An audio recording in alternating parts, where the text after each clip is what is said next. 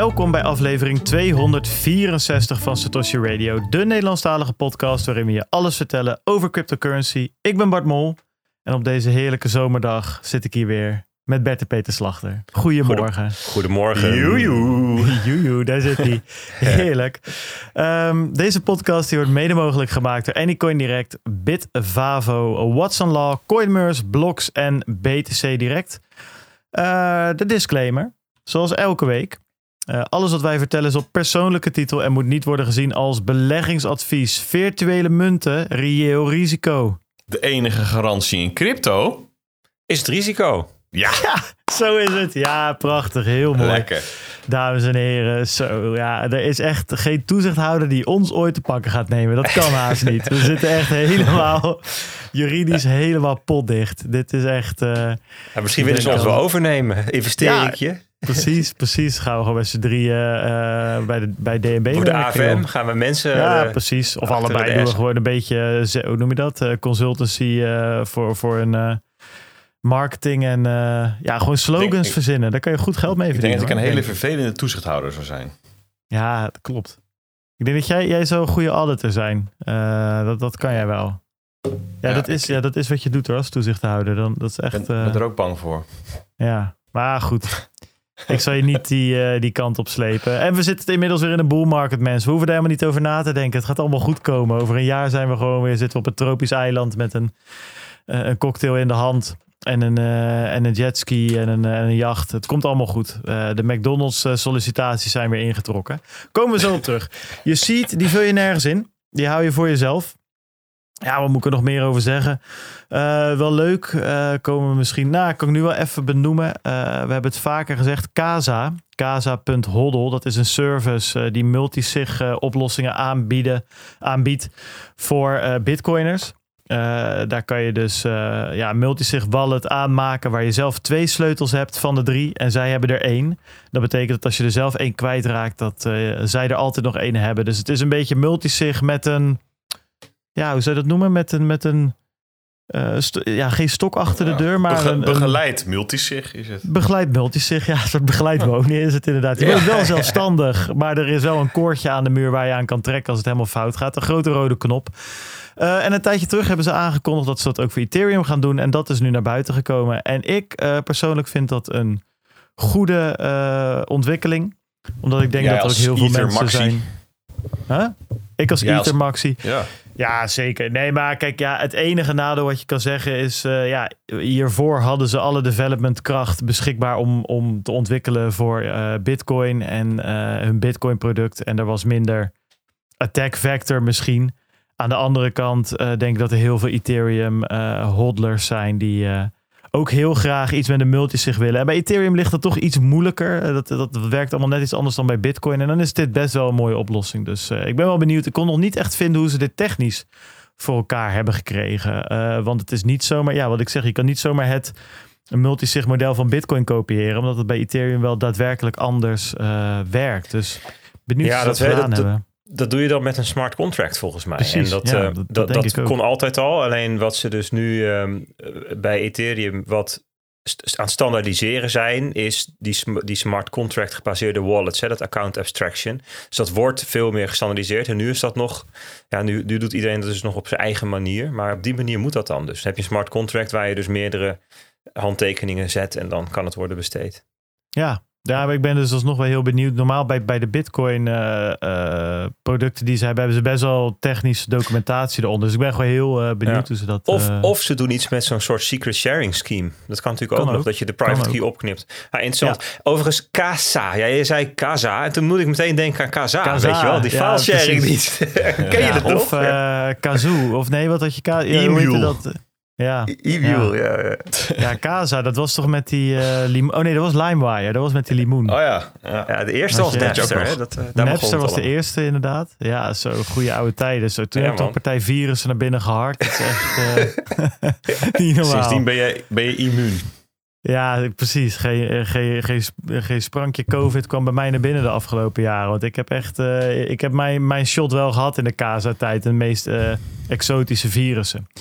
Ehm, Goed, uh, dus, maar goed, je, je, ziet dat we het over. Die vul je dus nergens in. Uh, behalve uh, ja, als je een multisig gaat aanmaken, wat zeker het aanraden waard is. En dat kan dus met ja, Casa. Ja, het, wat, wat zei je nou? Casa, ja, Casa. Casa, Casa. Casa. Casa de weet je wel. Ja, het is huis, hè? Casa. ja, casa. ja. Um, als je wil, laat dan vijf sterren achter op Spotify. Like de video op YouTube. Je kent het wel. Dat kan gewoon met één druk op de knop. En um, nou goed, daar zijn we altijd blij mee.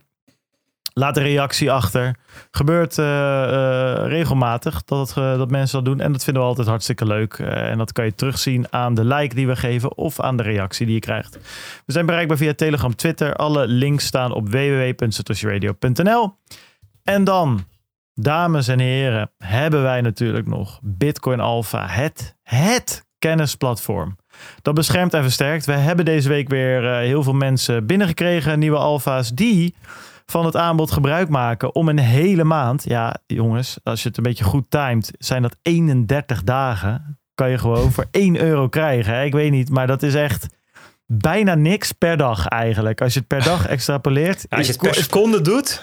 Het is, is bijna gratis eigenlijk. Steden, je bent een dief van je eigen portemonnee als je het niet doet. Maar even zonder dolle, als ik weer uh, eventjes zo kijk in, uh, in, in onze backend van... Um, Bitcoin Alpha en ik druk op Published. Ja, dan zie ik toch weer gewoon de afgelopen week uh, behoorlijk veel uh, content.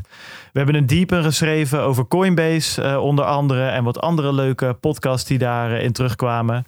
We hebben een alert uitgestuurd. Um, vrijdag 11 uur werd bekend dat Binance vertrok uit, gaat, ging vertrekken uit Nederland. In ieder geval de poorten dichtgooide. Twee uur later hebben we een alert uitgestuurd. Ja, dat is hoe kort we erop zitten. En dat is de waarde die je krijgt, onder andere bij Bitcoin Alpha. Ja. En uh, maandag zijn we daar nog eens, uh, is Peter nog eens dieper op ingegaan in de nieuws. Uh, en daarnaast heeft hij natuurlijk uitgebreid geschreven over BlackRock die met een ETF gaat komen. En is het wel een ETF? Hoe zit dat allemaal? En wat kunnen we een, nog, nog even één, één dingetje, een, een toevoeging. Belangrijk ja. denk ik voor alle luisteraars die luisteren immers. Um, Bitcoin Alpha, dat uh, belangrijke kanaal is e-mail. Zodat dan, dan krijg je het in je inbox en kun je lezen wat we geschreven hebben. Je kunt het ook op de website lezen. We hebben een heel memberportaal en zo. En, en een kennisbankarchief. Um, maar tegenwoordig staat er boven in de mail die je krijgt, staat er beluister dit artikel. En dan klik je daarop en dan kom je ergens uit waar je gewoon een prachtige audioplayer voorgeschoteld krijgt. En dan kun je gewoon op je telefoontje, zet je hem aan, oortjes in, ga lekker wandelen. En dan kan je gewoon naar onze content luisteren. En uh, dat is denk ik voor de podcast-fans natuurlijk wel zo'n feature waar ze op gewacht hebben. Ja. Het is ook een hele ja, prettige en... audioplayer, want je kunt gewoon de afspeelsnelheid instellen. Je kunt skippen naar stukjes in de tekst. Uh, je kunt, uh, terwijl je telefoon gelokt is, gewoon doorluisteren. Het is eigenlijk, eigenlijk het beste van twee werelden voor iemand die niet inderdaad. zo graag leest, maar liever luistert. Ja, en, ah, wat ik je, heel, en, uh, en, en, dat kan je dus gewoon voor een hele maand proberen. Voor een euro. Voor een euro. Ja, ja jongens. Nee, wat toch wel leuk is, wat mij. Uh, uh, we hebben die functie een tijdje terug gepilot, hebben die geprobeerd. En um, wat ik wel heel gaaf vond, waar ik helemaal niet bij stil stond. Maar ja, goed, dat is vaak zo met. Ja, hoe moet je, hoe moet je dat zeggen? Beperkingen of ja, beperkingen, denk ik, klink, klinkt een beetje hard misschien, maar zo hoe het is. Er waren best wel veel mensen die dyslectisch zijn. En die zeggen, ja, jullie stukken zijn best wel lang. En het zijn er best wel veel. Dus ik kom er gewoon niet altijd doorheen, omdat het mij moeite kost uh, om, om gewoon überhaupt uh, teksten te lezen. Dus dit is voor mij heel handig, ja. want nu zet ik het gewoon 10 minuutjes aan. En toen dacht ik wel, shit, ja, dat is waar ook. Hadden wij helemaal niet aan gedacht, omdat je ja, uh, zelf niet dyslectisch zijn. Ik bedoel, heel veel andere dingen hoor. Wij hebben ook genoeg beperkingen. Maak je niet druk. Maar ja, goed, daar, daar, daar krijg je dan opeens, maar wordt dat heel... Um, ja, heel visueel ja, heel... gemaakt. Een paar mailtjes. En ja. ik denk van holy shit, dat... dat, dat heel concreet. Uh, dus die, die laatste, die, die, laatste mail, die, of de laatste editie, we noemen het edities, die, die heeft als titel 's werelds grootste vermogensbeheerder loopt warm voor bitcoin. Met een vraagteken. En um, nou, die kun je lezen, maar je kunt hem ook luisteren. Duurt, daar heb je dan uh, 15 minuten en 56 seconden duurt, duurt de audioproductie van die editie. Ah, dat is toch een hele lekkere snack, lijkt me. Dat is gewoon, ja. uh, dat is niet eens een hele lunchwandeling. Je kunt zelfs nog even met je collega's napraten tijdens dezelfde lunch. Weet je, ik, ik zou zeggen ideaal. Ja. Eens. Oké. dat is wel leuk. Dus... Degene die het inspreekt, hebben we Eva genoemd trouwens. We, hebben een, een, vrouwenstem gebruikt. Gewoon even als contrast. Als contrast tegenover onze ja, en het gaat. Ja, klopt. Maar ik denk dat het niet lang gaat duren uh, voordat we onze eigen stem kunnen klonen. Toch dat zou wel grappig stiekem heel vet zijn. Dan kan je gewoon zo laten voorlezen door Bart en Bert. Oh ja, precies. Oh, ja, precies, ja.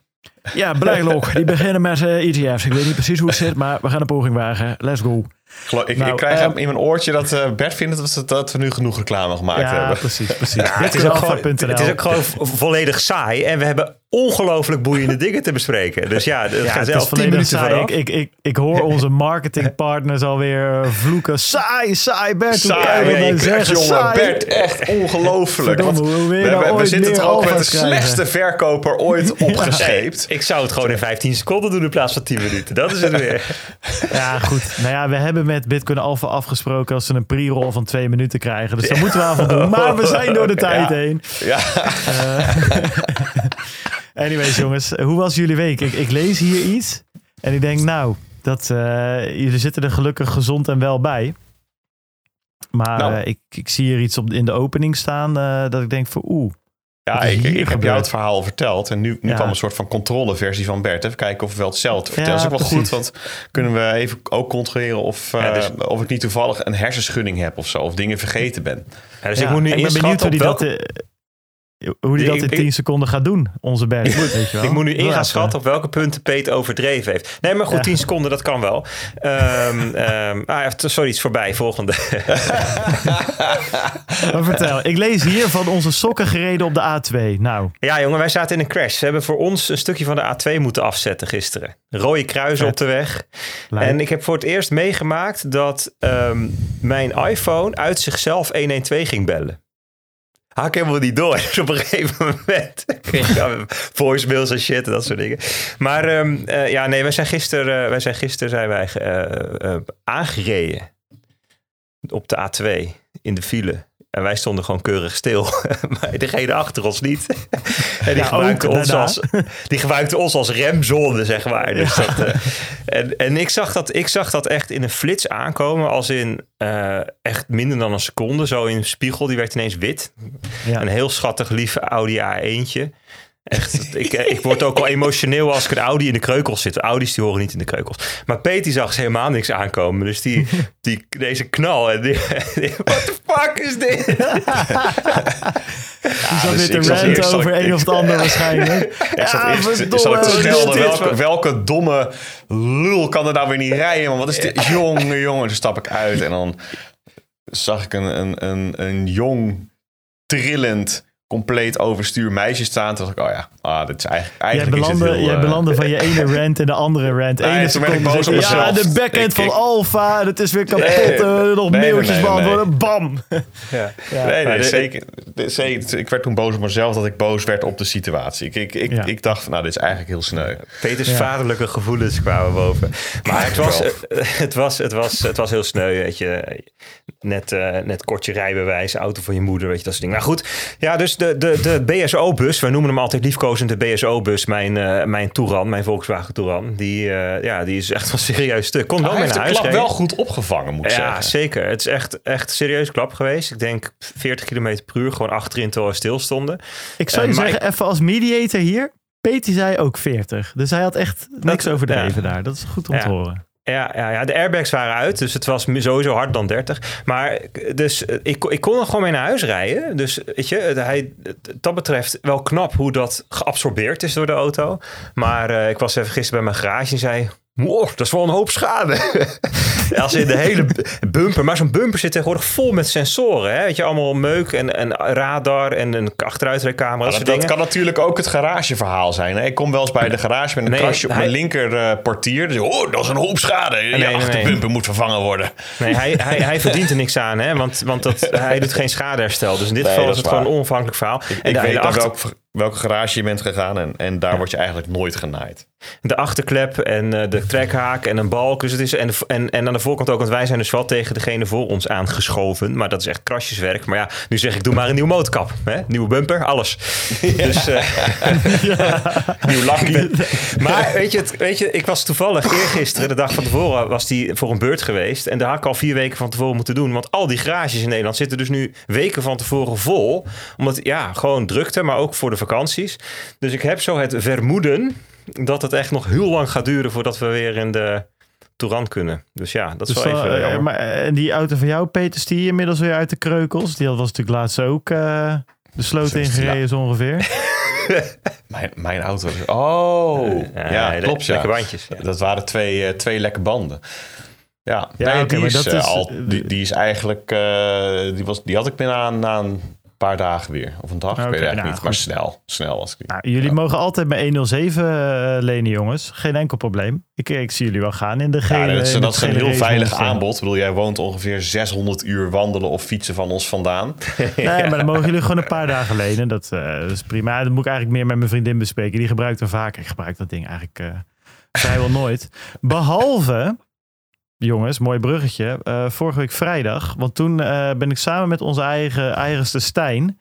Ja, zijn we op een soort wereldavontuur uh, gegaan. Nou, dat was niet helemaal zo. Maar ze voelde het wel. Omdat we de biertap weer eens uit het stof hadden getrokken. Dus we zijn eerst naar Jan gegaan in Haarlem. Bij Café de Roemer. Waar je overigens heerlijk kan eten en met bitcoin kan betalen. Ga daar zeker een keertje langs.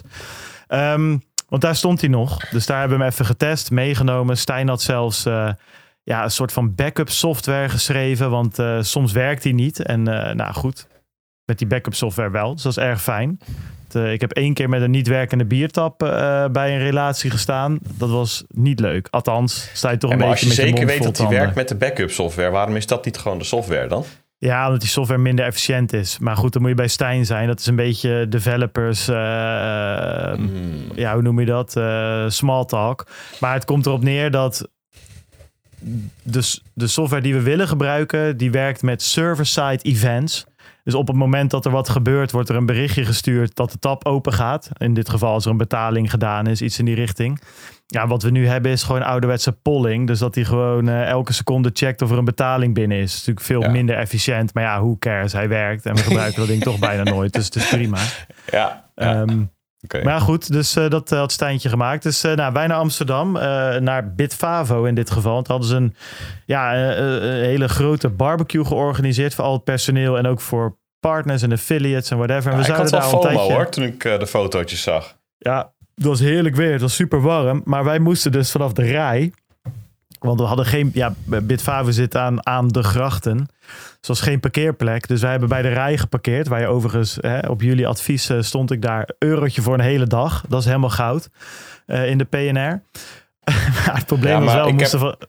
Ja, met een biertap vandaar naar uh, Bitfavo is nog wel een serieuze zweetonderneming.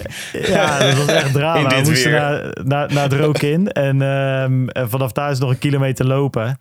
Ja, kijk, Stijn heeft zijn best gedaan. Uh, maar ik als uh, crossfitter moet natuurlijk daar laten zien wat ik kan. Maar echt, jongen, op een gegeven moment de armpjes. Het was echt een farmer carry eigenlijk. Jij wil natuurlijk niet laten zien dat het eigenlijk ook te zwaar is voor jou. Hè? Dus ja, nee, jij dit was, al, je, al je spieren in je lichaam heb je verkracht. Ja, nou, nou ja, vooral mijn onderarmen. Maar we kwamen daar aan, jongen. God, helemaal bezeten. Ik heb eerst een half uur gewoon uh, maar gewoon gezeten. Maar uiteindelijk hebben we hem daar opgetuigd. Een hele leuke presentatie gegeven aan het personeel over Lightning. Uh, wat je er als exchange mee zou kunnen. En we hebben hem neergezet. Uh, ja, raad is hoeveel Lightning betalingen we op een avondje gedaan hebben. 270. Ja, nou, ik, pak ik dacht zelf 100. Maar uh, het, is, nee, het is dus meer? Ja, 250 plus. Moet ik wel zeggen, het hielp wel dat we de biertjes voor 10 cent per stuk verkochten.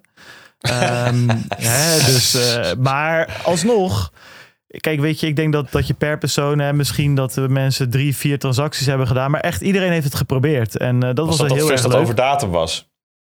Ja, ja, iedereen nu ziek bij Bitfavo waarschijnlijk. Maar, nee, maar iedereen heeft het geprobeerd. En uh, vanaf de marketing tot aan de support, uh, tot aan de developers. En het was wel heel grappig om te zien. Op een gegeven moment, uh, Stijn stond te praten met een Braziliaanse developer. Want ja, developers trekken ze tegenwoordig echt overal vandaan. Als je kan developen, dan kan je aan de slag, laat ik het zo zeggen. Het maakt voor de rest niet zoveel uh, uit. De rest is allemaal secundair.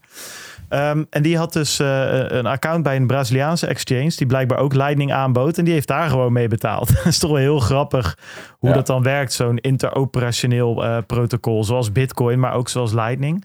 heel veel mensen met Wallet of Satoshi. En, en ja, Stijn die stond eigenlijk de hele avond uit te leggen aan developers hoe het werkte. En ja, daar begon wel een, een, um, een vlammetje te branden, zeg maar. Want het is gewoon heel erg tof. Het is gewoon heel erg leuk.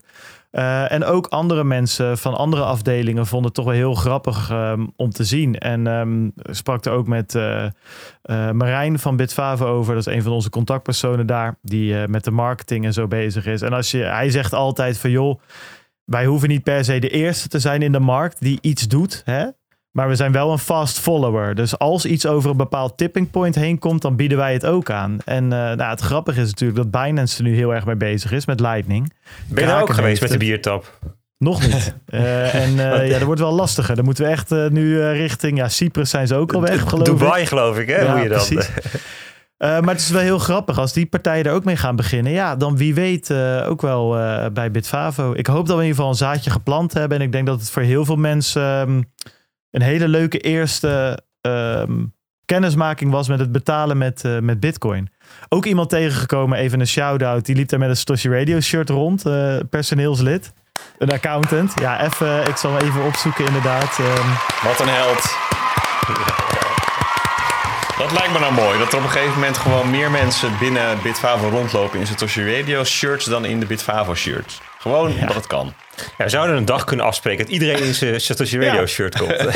ja, maar dat was leuk joh. Ik sprak die jongen en uh, ik zei van joh, wat doe je hier dan? Zei hij ja, accountant. Zei, wat heb je hiervoor gedaan? Ja, jaren bij Deloitte gewerkt, bij KPMG in ieder geval. Oh, dus jij ja, gelijk goed, dat was natuurlijk hem. direct. Ja, ja, ja. ja Knuffels, weet ik veel. Inderdaad, we hebben elkaar omhelst en niet meer losgelaten. Joh. Alleen maar uurlang over, over de, uh, ja, dat, dat soort dingen gesproken. Was heel leuk. Leuke mensen ontmoet, leuke uh, gesprekken gehad. Ja, en ik denk wel, kijk even wat mij, bij mij bleef hangen, en dat was ook, uh, we hadden het vorige week over die Dutch Blockchain Days. En er wordt natuurlijk wel vaak gezegd van ja, Dutch Blockchain Days, shitcoiners. Jullie sponsoren, waaronder Bitfavo, shitcoiners, casino's.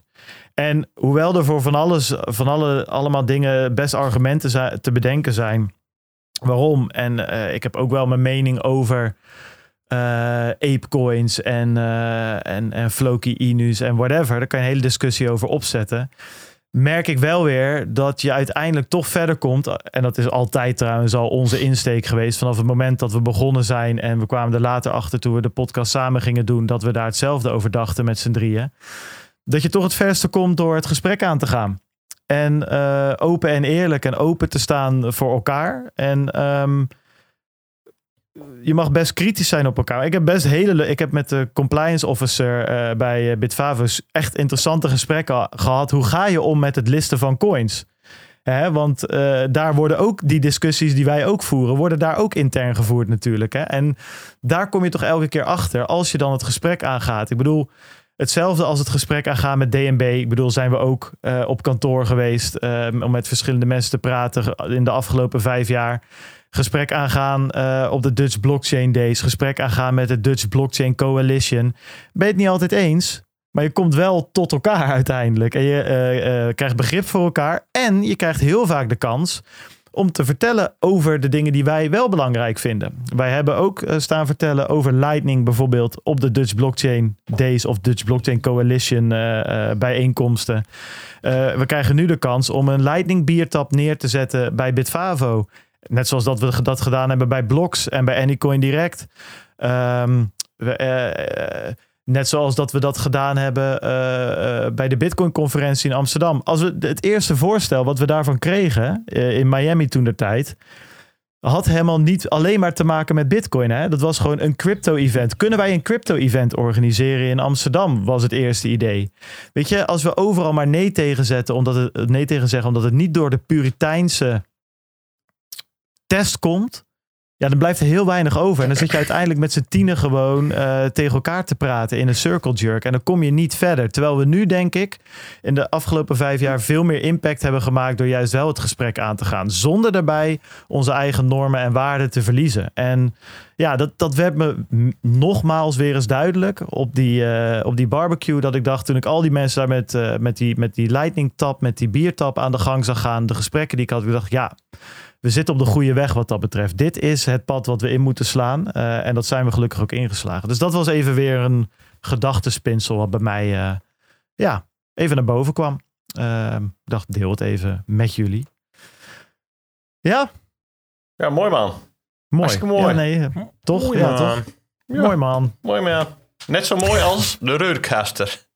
Ja, god, daar kom ik volgende week wel op terug. Ik had allemaal leuke dingen voorbereid, maar dat, ik heb een heel mooi nieuwe uh, geluidskaart gekocht. Maar het ding werkte niet. Dus ja. werkte het niet? ja, ja, werkte. Wat dacht je? Dat is de reden dat ik 20 minuten later was vanochtend. Omdat ik het niet. Uh, gisteren werkte het. Uh, en vandaag misschien niet. moet je dat dan niet 20 minuten voor de podcastopname gaan testen. Ja, ik zeg, gisteren werkte die, maar vandaag niet.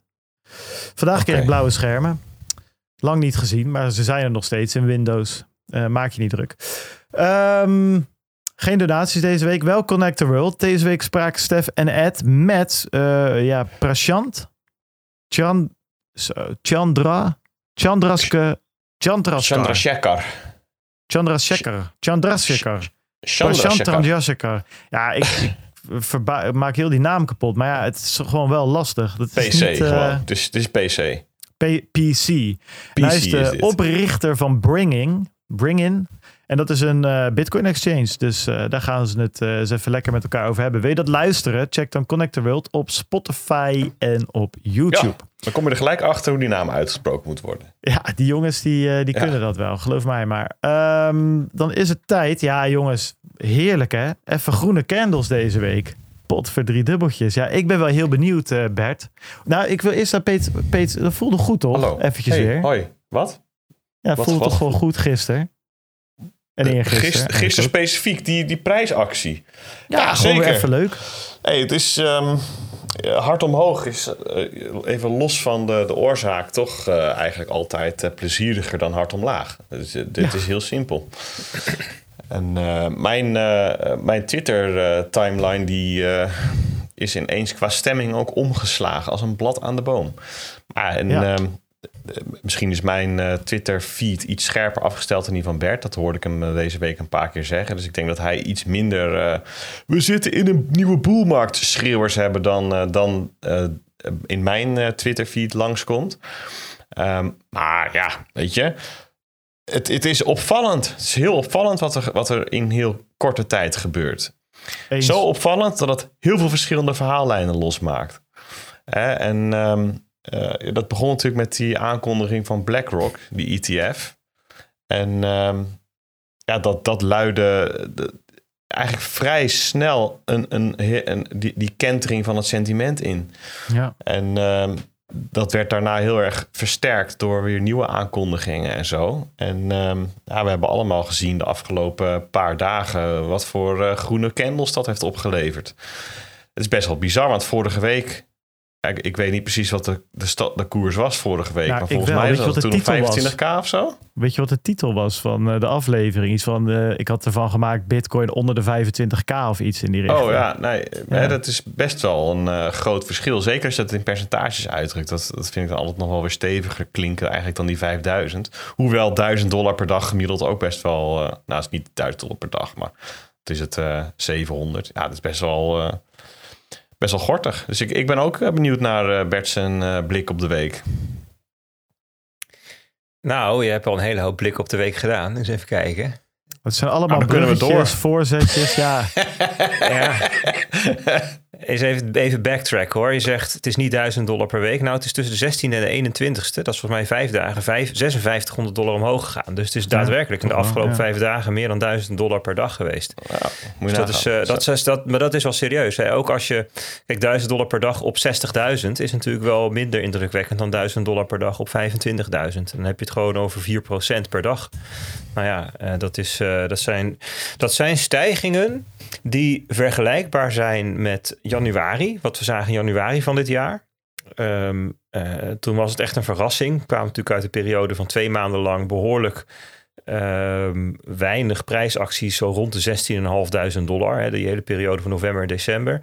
En toen begin januari gingen we ineens best wel korte tijd um, van uh, 16.500 naar 25.300. 25.000. Een, een, een prijs die we vaker gehoord hebben de afgelopen anderhalf jaar, 25,3. Um, en um, dat was ook zo'n beetje in zeven daags, uh, zeven daags periode was dat tussen 20 en de 25 procent stijging. En in maart hebben we natuurlijk weer een stijging gehad en sneller. Dat was eigenlijk de tweede golf. Die ging van 19,5 naar 31 en die had nog een iets, die dat was nog ietsje steviger. Er was nog een iets groter zeven daags verschil. Dus da, dat ging iets sneller dan, uh, dan de afgelopen vijf dagen. Maar um, dan pak ik eventjes de specifiek um, vanaf 20 juni 2 uur tot 21 juni uh, eh, 6 uur. Dus dan hebben we het over uh, een periode van 30 uur. Daarin is de koers uh, 4000 dollar gestegen. dus 4000 dollar in 30 uur tijd. Hè. Dus, dat, dus als, als de komende dagen um, er een volgende stap omhoog nog komt, um, significant, dan, komen we, dan wordt het vergelijkbaar met maart. Nou, even voor jullie om in perspectief te plaatsen van hoe krachtig was nou die stijging gisteren. Dan even naar vorige week. Ja, vorige week hebben wij op woensdag volgens mij opgenomen. Oh nee, donderdagochtend wel opgenomen. Klopt, ja. Ik wil zeggen, dat was vlak voordat ik naar Parijs ging.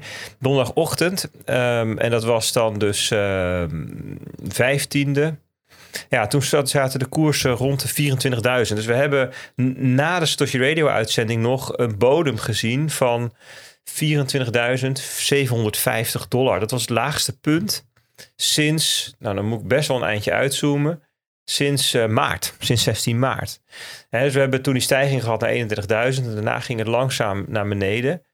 Um, ja, we hebben dat in de Bitcoin Alpha wel genoemd een correctie door tijd in plaats van een correctie door volume of door prijs. En soms heb je dat in hele korte tijd er een hele stevige correctie is met een heel hoog volume, dat posities worden gesloten, mensen snel verkopen, capituleren.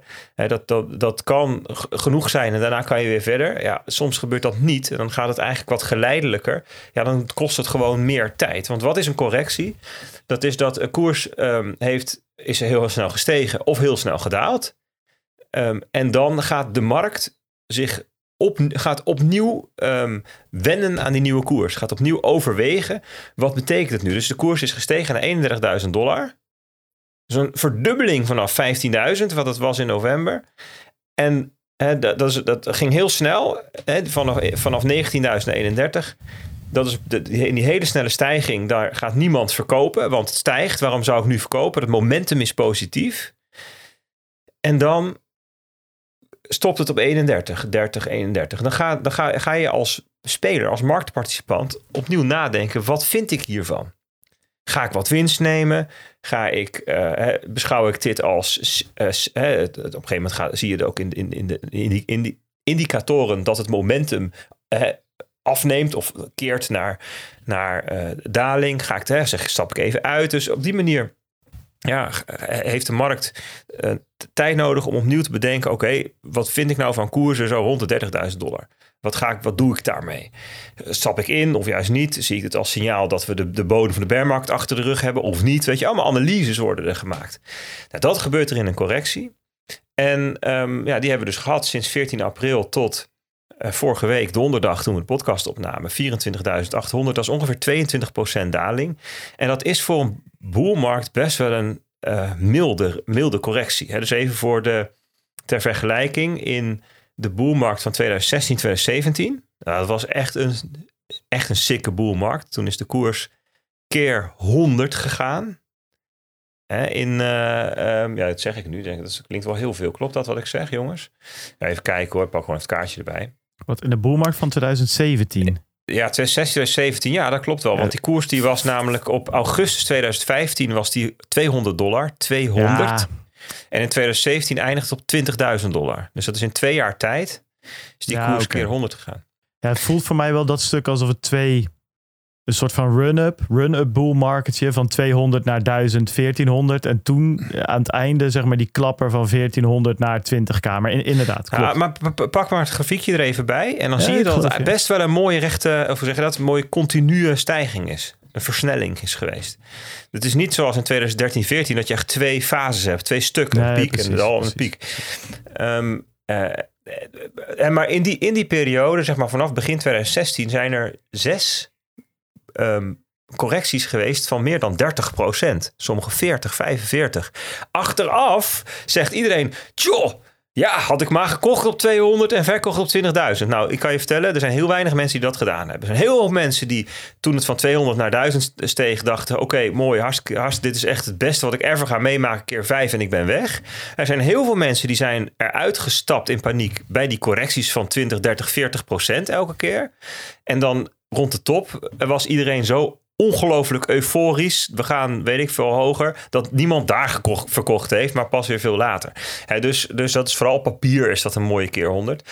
Maar dat soort shakeouts hebben, dat, dat zien we dus nu niet. Hè. Dat was een hele milde, rustige correctie die we hebben gezien. Um, ja, dus even kijken. Uh, wat heb ik gezegd? Ja, naar 30.000. En ja, want, want de koers is namelijk nu 30.000 dollar. Even, zelfs 30.700 of zo vannacht eventjes. Dus dat is echt een uh, hele stevige stijging. Um, je zou ze kunnen opdelen in cycles. We hebben die cycles net al even besproken. Dus van januari tot maart van 16,5 naar 25 en dan terug naar 19,5. Dan in, van maart tot maart en april van 19,5 naar 31 en dan terug nu naar 24,8 als laagste koers. En dan nu van 24,8 naar nou, in ieder geval 31. Maar daar zijn we net aan begonnen, die, die volgende cyclus. En ik wil graag iets, iets, even iets voorlezen uit de Alpha Markets van 26 mei. Dus dat is vier weken geleden. Daar schreven we namelijk... De prijsactie van de afgelopen weken, van de afgelopen twee weken, die suggereert dat we begonnen zijn aan de laatste daily cycle van de huidige weekly cycle. Als deze daily cycle een normale lengte heeft, dan zou dat de weekly cycle low rond eind juni plaatsen. Tweede helft van juni. Voor koersniveaus kijken we naar horizontale steun, voortschrijdende gemiddelde en on indicatoren zoals de realized price. Wat wij zouden willen zien is dat zich in het prijsbereik van 21.500 tot 25.000 een bodem vormt. Rond de bodem willen we on-chain een overschakeling zien van distributie naar accumulatie dat zijn van die, van, die, van die grafieken van Glassnode met rood en blauw. Heb je misschien wel eens gezien. En in het sentiment een sterke overheersing van negativiteit. En dan vanuit die bodem een krachtige beweging omhoog. Dat zijn de karakteristieken van een weekly cycle low. Nou, ik denk dat we dat gezien hebben. wat we nu gezien hebben de afgelopen uh, 7, 8, 9 dagen, dat voldoet aan het signalement van een weekly cycle low de, de, eerst werd het steeds negatiever en er waren weer zat mensen die zeiden van joh, we gaan nu echt weer terug naar de 15 en de bearmarkt van Bitcoin is nog niet afgelopen en uh, dit was een fake-out, dit was een bearmarkt rally en um, uh, dat, soort, dat soort dingen en um, het, zeg maar het sentiment rondom de crackdown, dus de, de rechtszaken tegen Coinbase en Binance overheerste. Gary Gensler gaat alles kapot reguleren. Um, je zag ook best wel weer soort van triomfantelijke verhalen in de pers en op Twitter van de, van de crypto-haters. Die zeiden, moehaha, het gaat allemaal weg. En even kijken, er was ook... Wat was er nou? Ja, die, die wil ik eigenlijk even kijken of ik die snel kan vinden. Want die vond ik mooi. Oh nee, dit is de, dit is de Alpha News. Ik pak even van de markets. Ik denk dat het die van twee weken geleden was. Want dat vond ik, ja, Vox. Dat is ook een Amerikaans soort blogging platform of zo, hè, een medium. Maar die zeiden, now might be a good time to consider quitting crypto. Dat was de kop. Dit zou een mooi moment kunnen zijn om er helemaal mee te stoppen. En um, dat was het sentiment, ja, tien dagen geleden. Nou, en dan, en dan uh, die koers, die zat dus op die 25.300. Dat was dat is het koersniveau waar, we al heel lang naar kijken. Dat was namelijk het punt waarop we na de Luna-crash een jaar geleden eerst terechtkwamen.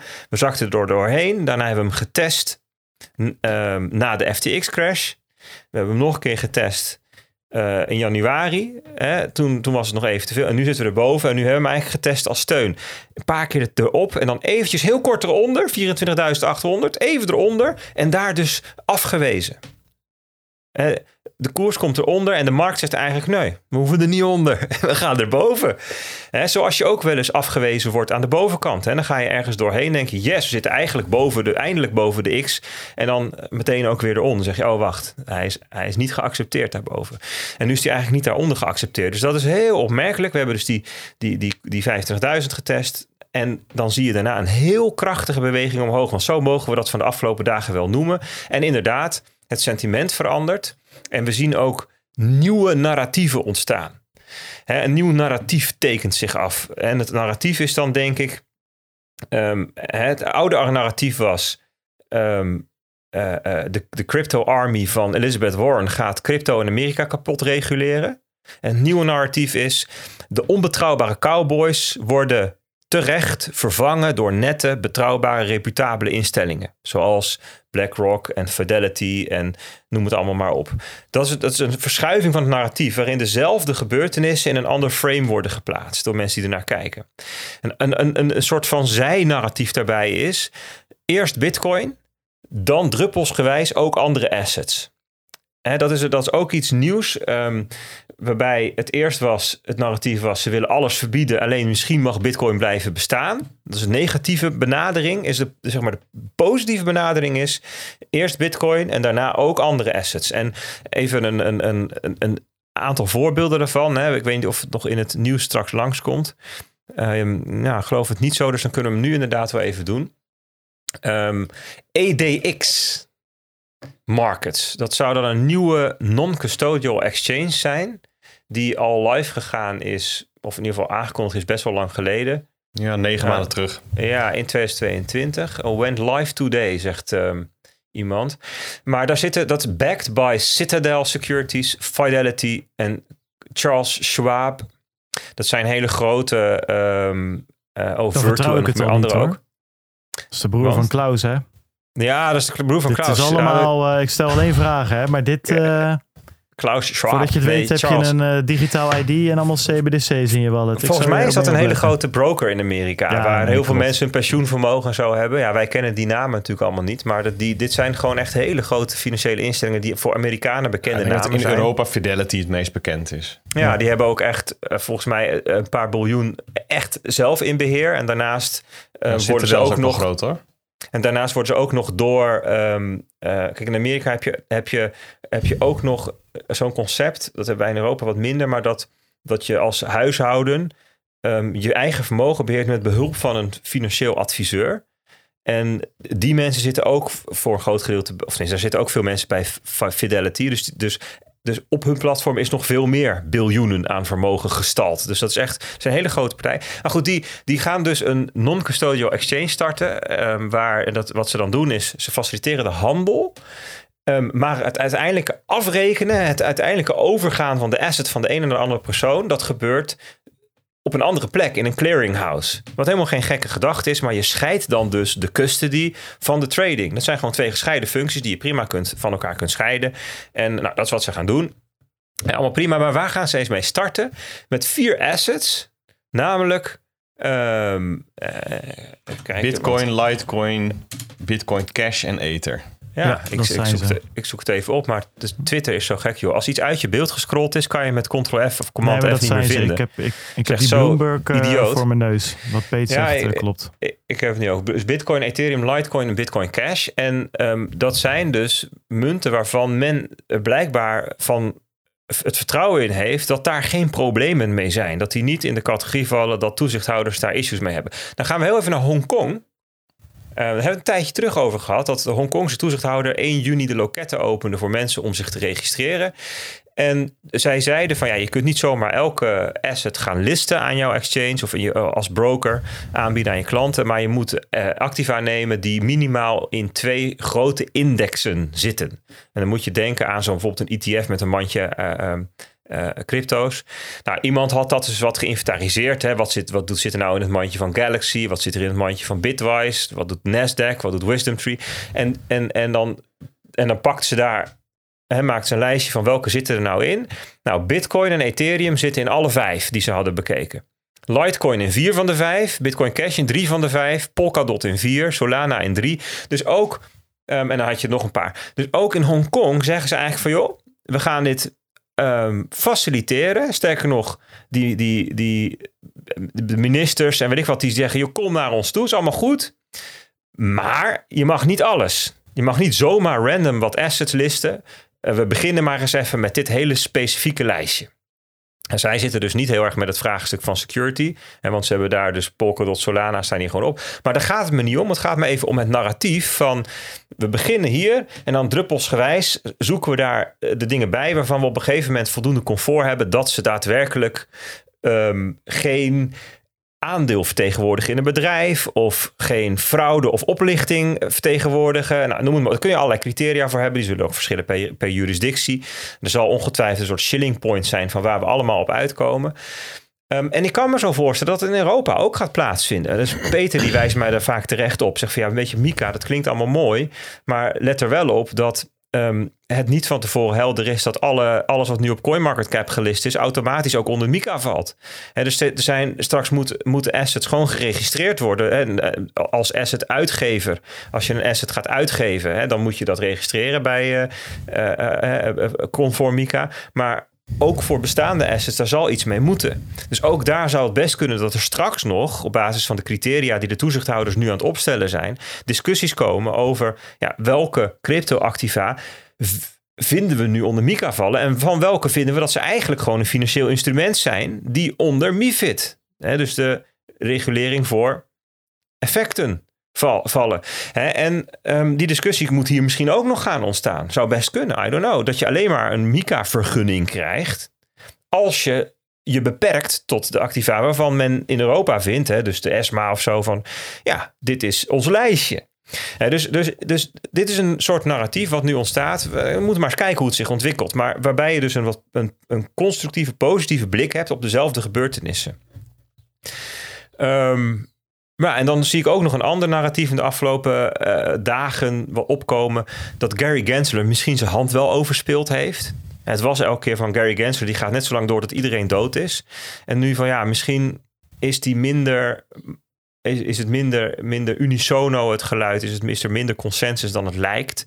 Ja, daar hebben die Hinman-files ook wat aan bijgedragen. Hè? Dus dat er misschien toch al wat tegenspraak was. Dat het ja, niet... een beetje zoals uh, Hazenkamp in Nederland werd teruggefloten. Ja, iemand kan wel wat roepen, maar jongens, we zijn, wij, zijn er ook, wij hebben ook nog een mening. En ik las vanmorgen iemand die zei van ja, in het verleden um, waren er al dissidenten hè, binnen de SEC, commissarissen die, uh, die over een beslissing van over een ETF-beslissing hadden gezegd: joh, ik ben het er niet mee eens. In het begin was het alleen Hester Peers. Later kwam daar nog één iemand bij. En zij zeggen: ja, misschien is er nu wel een derde. En, als er, en, en dat, misschien weet BlackRock dat, dat er inmiddels drie mensen zijn die het niet eens zijn met de argumentatie om die dingen af te wijzen. Ja, en dan heb je gewoon niet meer een meerderheid. Want er zijn zes chairs, dacht ik. Dat meen ik eruit op te maken. Nou, goed, dit is even mijn. Moeten we even verifiëren of het zo is. Maar dat, dat zou zo'n soort. Dat zou net even een soort tipping point over kunnen. En ik zag ook weer dat Davidson kwam met. joh, we zijn echt serieus met wetgeving bezig. Gisteren was um, uh, Jerome Powell te gast bij in het. Um, in een hearing. En daar ging het daar ook even over. We zijn bezig met wetgeving voor stablecoins. En we zijn bezig met de market structure bill voor crypto. Daarna legde ze meneer Powell nog wat woorden in de mond waarop hij bevestigde dat hij ook denkt dat uh, crypto als asset class niet meer gaat verdwijnen. Hè, zoiets was het toch, uh, mannen? Ja, dat het soms staying power heeft. Soms, soms staying power. Ja, goed, dat, wordt dan, dat hoort dan ook wel weer bij dit sentiment... dat dat dan allemaal wordt uitvergroot. Weet je, daar kun je ook best wel weer wat kanttekening bij zetten. Maar dat is wel interessant, hè? dus dat je in tien dagen tijd... of laten we zeggen in twee weken tijd... een, een, een verandering ziet van hoe de feiten worden geapprecieerd. In welk kader ze worden geplaatst. Eerst heel negatief, misschien iets te negatief, nu heel positief, misschien iets te positief. Maar dat is, dus voor mij is dat een argument, een onderbouwing, een van de vele aanwijzingen dat we aan een nieuwe weekly cycle zijn begonnen. Um, uh, en um, ja, de, eh, dus de prijsactie, eh, dit soort dingen dragen daaraan bij. De timing klopte ook. Het zat precies in de timing die we, die we van tevoren hadden verwacht. Ietsjes vroeg, maar prima. Dus Ehm, ja, dus, maar is dat dan een garantie dat we nu naar, uh, naar de moon gaan en naar all-time highs? Nee, natuurlijk niet. Zeker niet. Sterker nog, deze weekly cycle kan falen. Hè? zo werkt dat gewoon hè, met cycles. de ene cycle gaat goed, de andere niet. Hè? Dat, dat, dat is het verschil tussen bear- en boelmarkten in, in, in zijn totaliteit. Um, we hebben natuurlijk best wel wat aanwijzingen. Best wel een vermoeden dat we aan het begin zitten van een nieuwe markt, nieuwe, nieuwe boelmarkt in een marktcyclus van Bitcoin. We zitten nog in de bearmarkt, laten we zeggen, qua sentiment, hè, qua interesse van consumenten, qua nieuwe instroom. Er is nog daar is totaal geen sprake van, nog geen hype. Um, de, meestal bij Bitcoin zien we dat pas als we een beetje de buurt komen van de all-time high. Nou, zitten we nog niet. We zitten nu in stille gedeelte. Ik zou zeggen, dit is nog bearmarkt. Weet je, laten we de boelmarkt pas. Hebben, zeg maar, je zou, je zou ook kunnen beargumenteren dat dit het startpunt is. Hè, dat, de, dat de boelmarkt eigenlijk begint op de bodem en duurt tot de top. Maar dat is zo uh, anders dan um, dingen als volume en nieuwe gebruikers en nieuwe adoptie en sentiment. Dat ik zeg van ja, schuif dat dan iets op. Zeggen dat je de boelmarkt is het hyperige stuk waarin iedereen optimistisch is en positief. En we zien duidelijk hogere toppen en hogere bodems. En de bearmarkt is het stuk dat, dat, dat, dat daarvoor zit. En we zitten in een soort overgangsfase. En, en als we daar, Bert, als we een ja, ik weet dat ik hem dan helemaal plat sla. Dus dat is altijd, uh, altijd, altijd leuk om aan jou, aan jou voor te leggen. Welke prijs hoort erbij? bij wat? Eh, bij, bij dat ze zeggen van oké, nu dit is boelmarkt territorium. Ja, zeg boven ik ben het met je eens dat dat nu nog niet zo is. Dit is oké, leuk, 30k, prima, maar... Nee, er zit, als je naar de weekly uh, grafiek kijkt, dan zit er ergens een uh, zone zo um, tussen de 48.000 en 53.000 zou ik zeggen. Uh, met 48.000, dat, was de, dat was de top op, um, in de week van 28 maart 2022, net na het begin van de oorlog in Oekraïne. Um, toen steeg het nog naar 48k en, en daarna, ging, daarna begon echt de bearmarkt. Daarna ging het echt omlaag, kreeg je de Luna crash, later uh, Celsius, het Theros Capital en uh, nou goed, het verhaal kennen jullie. Als we een, een higher high, een hogere top neerzetten boven die 48.000 en dan heb je 53.000, dat is ook nog zo'n niveau wat, waar we, wat, wat best wel vaak een rol heeft gespeeld in de prijsvorming. Dat is ook het punt waarop Bitcoin weer een asset class is, of een asset is van meer dan 1 biljoen dollar. Hè, daar hadden we het toen over. Dat zal nu overigens eerder komen, omdat er natuurlijk meer Bitcoin in omloop is. Dus zal nu misschien op 52 of 51k zijn, maar dat maakt niets voor uit. Uh, een beetje die zone tussen de, tussen de 48 en de, en de 53. Ik denk dat dat wel een soort schakelpunt is. Kom je daarboven, dan, dan denk ik dat eigenlijk iedereen wel weer echt wakker wordt. Hè maar ik verwacht echt dat dat pas um, ja, op zijn vroegst, als, als, de, als we daar nu op weg naartoe zijn, kwartaal 1 volgend jaar is.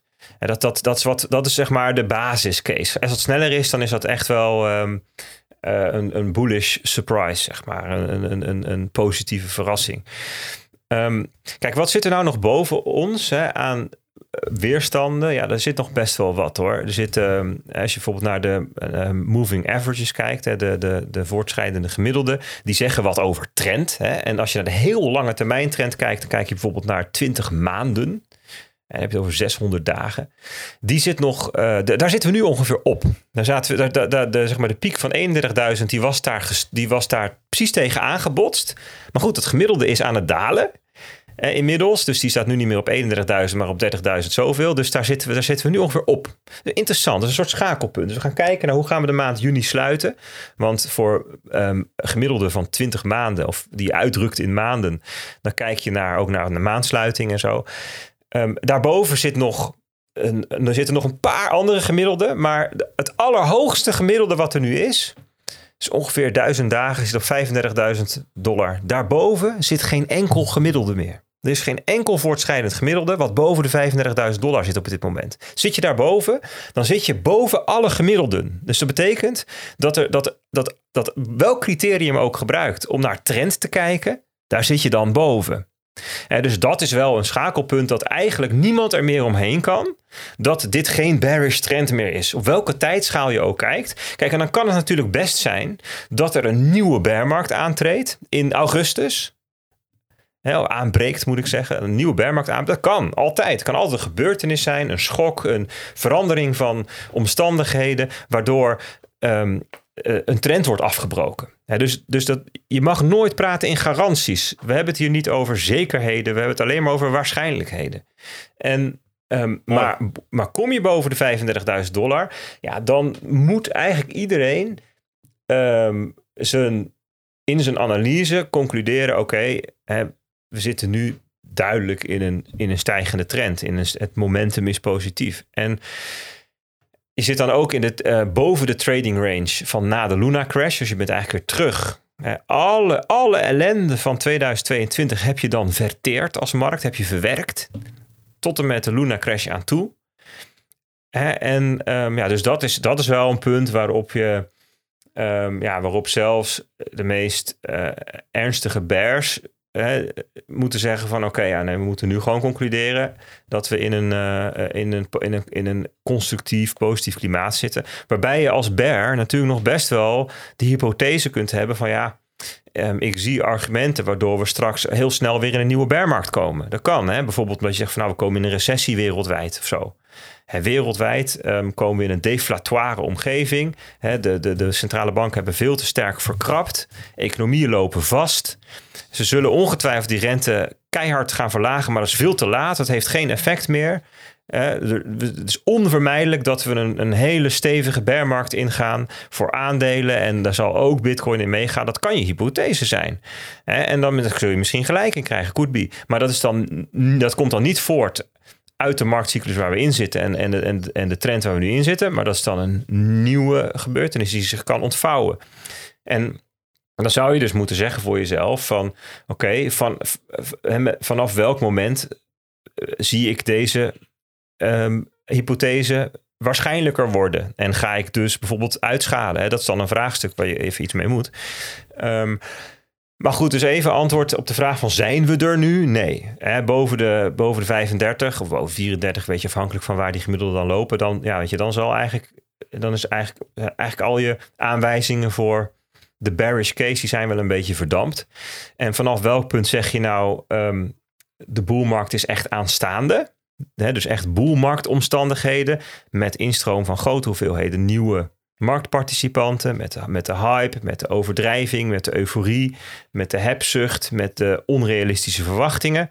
Ja, die, daarvoor, die verwacht ik pas boven de 53k, laat maar zeggen. Als we echt weer in de buurt komen van die 60k toppen die we in 2021 hebben gehad. Nou, dus dat is een beetje het, het, het, uh, het beeld. Ja, en dan denk ik dat het nu leuk is om gewoon naar de, naar de drivers te gaan van het narratief wat we nu zien. Hè? Dus die, uh, die, die, die institutionele partijen. Dus hoe ik hem in eerste instantie noemde is um, dat de onbetrouwbare cowboys vervangen worden door nette, betrouwbare, reputabele instellingen. Nou ja, daar kun je ook nog wel even over hebben. Maar dat is een beetje het narratief van de afgelopen tien dagen, denk ik. Ja, ja ik, ik moet even lachen, omdat zeg maar ja, zou dit dan het punt zijn, jongens? Dat de meme, waar we al, die we al vijf of zes jaar horen inmiddels. De institutional investors, they are ready. De whales liggen klaar om alles op te slurpen. Ja, is het eindelijk zover met die BlackRock ETF? Dat is een beetje de vraag. Ja, ik, ik wilde daar één ding over zeggen. Als dat zo is, dan moet je uh, niet onderschatten hoe lang dat gaat duren. Want institutionals en whales in het algemeen, uh, überhaupt grote zoogdieren, die bewegen niet zo snel. Uh, dit gaat allemaal wat langzamer. Weet je, dat moet, er moeten, heel veel mensen moeten daarover uh, nadenken, over aftekenen. Die gaan heel voorzichtig met toezichthouders om. Dingen worden afgestemd. Worden nog af... Zo'n EDX, dat wordt dan aangekondigd negen maanden geleden. Dat gaat nu eens een keertje live. En dan volgens mij wordt er nog lang niet echt getrade en zo. Dat, gaat, heeft een ander tempo. dus dus um, al zou zo'n ETF worden goedgekeurd. Ja, natuurlijk zul je wat speculanten hebben die erin stromen. Maar voordat daar serieus kapitaal naartoe gaat, ja, dan moeten allerlei partijen daar eerst eens even heel diep over nadenken. Een paar vergaderingen, wat over aftekenen, um, gesprekken enzovoort. Dus dat is niet dat er dan een dag later uh, een half biljoen in zit of zo, weet je wel. Dus ik zou, uh, ik zou die twee eens even lostrekken hè, in de vraag van Bart. Komen de institutionals? Vraagteken. En zo ja, wat betekent dat dan eigenlijk? Ja, dus dat, ik zeg, geef me even terug dan. Ja, ja zeker. Ja, ik, ik, nee, maar ik zit... Uh, ik zag een glitch bij Bart. Ik, zijn beeld stond ook even stil. Maar ik, ik vind dan de, de vergelijking met, um, uh, met de introductie van de Gold ETF vind ik wel een mooie. En dat gaat natuurlijk nooit helemaal rijmen, maar het was uh, 2004 dat de eerste spot goud ETF in de VS werd goedgekeurd. 2004, hè? dus eigenlijk helemaal niet zo lang geleden. En um, destijds, in de eerste maand, uh, vloeide daar, ik geloof, 1,2 miljard dollar heen. Dus in de eerste maand 1,2 miljard. Um, en na 12 maanden stond de teller op, ik geloof 3,4 miljard of zo. En, en op het moment van dat we de podcast opnemen, is dat nou, iets boven de 60 miljard dat daarin zit. En, en alle spotgoud ETF's bij elkaar doen iets van 200 miljard dollar.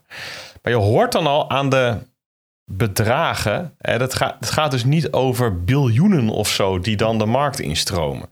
En dat bipolaire van, van wat, er, wat je op Twitter ziet, um, dat is iets wat je echt moet parkeren um, bij het narratief. En dus een narratief is eigenlijk altijd een, een overdrijving van een mogelijke toekomst. Dat is, dat is eigenlijk wat, wat, wat zo'n investeringsnarratief is. En dat is, dat, dat is niet alleen bij crypto zo. Dat is ook, heb je soms ook rond aandelen.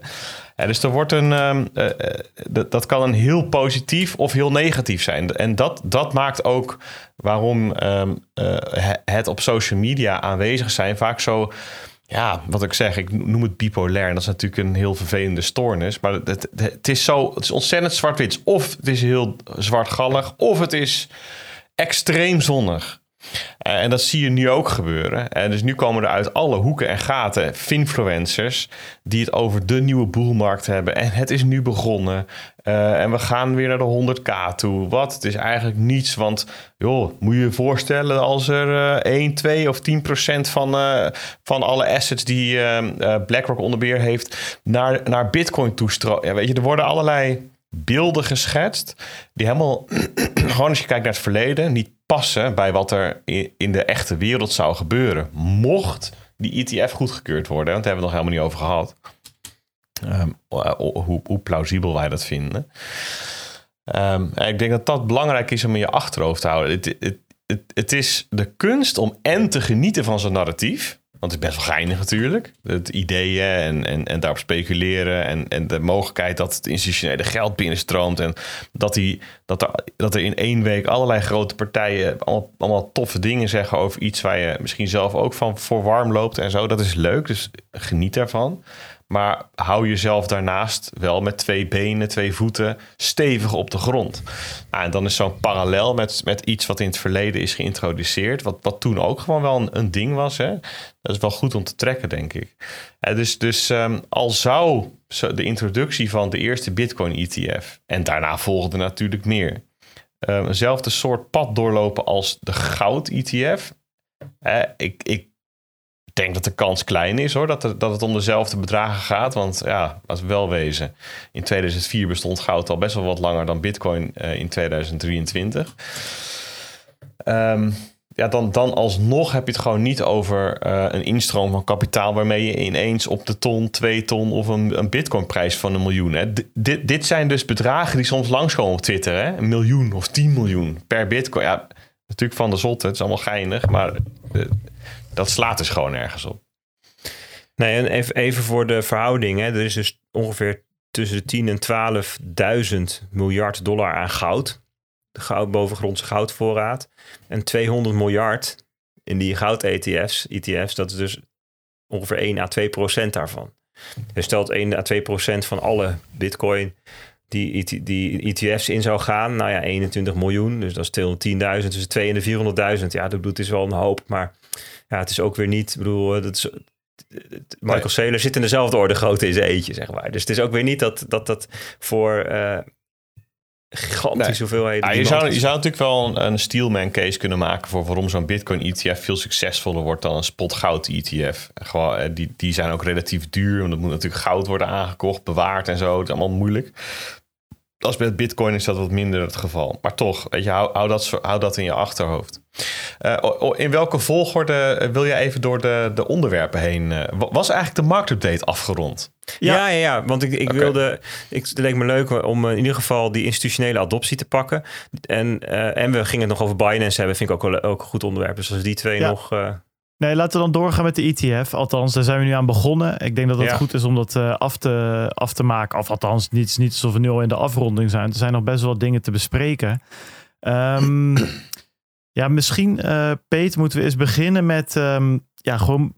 Ja, dat heb je al een beetje gedaan, maar... Wat, hebben we nu wat, wat is er überhaupt aangekondigd uh, afgelopen week? Um, ja, wat is er wat is er precies aangekondigd? Nou, ik, eh, gelijk even disclosure. Ik heb niet het hele papierwerk uh, van uh, BlackRock doorgespit. Maar um, wat er aangekondigd is, is een aanvraag. dus, dus BlackRock, dat is de grootste vermogensbeheerder ter wereld. Mensen kijken naar wat de grootste vermogensbeheerder ter wereld doet. Dat is een bedrijf, gigantisch bedrijf. 8,5 biljoen dollar beheerd vermogen zie ik hier. Um, ik zie daaronder twee bedragen. Um, die heb jij erbij gezet, denk ik, Bart. Dus minus 20 miljard dollar eh, omzet. Nog één keer, plus sorry. Minus 6 miljard dollar winst. Ja. Um, nou, dat zal in een jaar geweest zijn. Het is opgericht door Larry Fink. Nou, die naam die ken je misschien wel. Gewoon omdat je die wel eens hebt gezien of gehoord. Uh, ook al wist je niet eens dat het om BlackRock ging. Um, en ja, zo'n partij heeft overal zijn tentakels politiek, andere vermogensbeheerders, toezichthouders, lobbyclubs, banken. Het, ja, sommige mensen zeggen wel eens van eigenlijk is uh, de VS, de overheid van de VS, ehm, eigenlijk is dat een BlackRock. Nou, en dan, dan, dan doelen ze op uh, de, de, de macht die zo'n partij heeft, gewoon puur vanwege zijn omvang. Nou, als je dan nog verder gaat redeneren, dan, dan kom je op een, in een grijs gebied en soms in een zwart gebied. Dan gaat het over complotten en zo.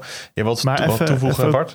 Ja, ja, één, één, één dingetje. Die, als je het hebt over macht en invloed, hè, zonder in complotten te, te gaan. Ik denk dat je nog één uh, groep aan partijen mist. En dat zijn gewoon de bedrijven waar ze overal dus gewoon aandelen van hebben. En dus letterlijk zeggenschap. Voor mij in mhm. Nederland, voor mij ze bezitten 7,5% ASML of zo. Iets in die richting. Ja, maar, wel namens hun klanten. Hè? Ik, dit, ik wil het heel graag even uit de wereld halen, want ik, ik krijg dit soort theorieën heel vaak om mijn oren. Ja, BlackRock die, uh, die bezit eigenlijk alle bedrijven in de wereld. Nou, Nee, hun klanten bezitten die. Zij beheren namens hun klanten. Dus de klant is de eigenaar van de aandeel. En wie zijn die klanten dan? Nou, bijvoorbeeld pensioenfondsen. Dus jij en ik. Hè? Dus je kent BlackRock misschien van de iShares ETF's. Dat is, dat is mhm. hun, eh, zo heette die. En als jij um, je pensioen, uh, als, je, als jij pensioengeld zelf mag beheren. Sommige mensen mogen dat. Hè? Die kunnen zelf bepalen waar ze dat instoppen.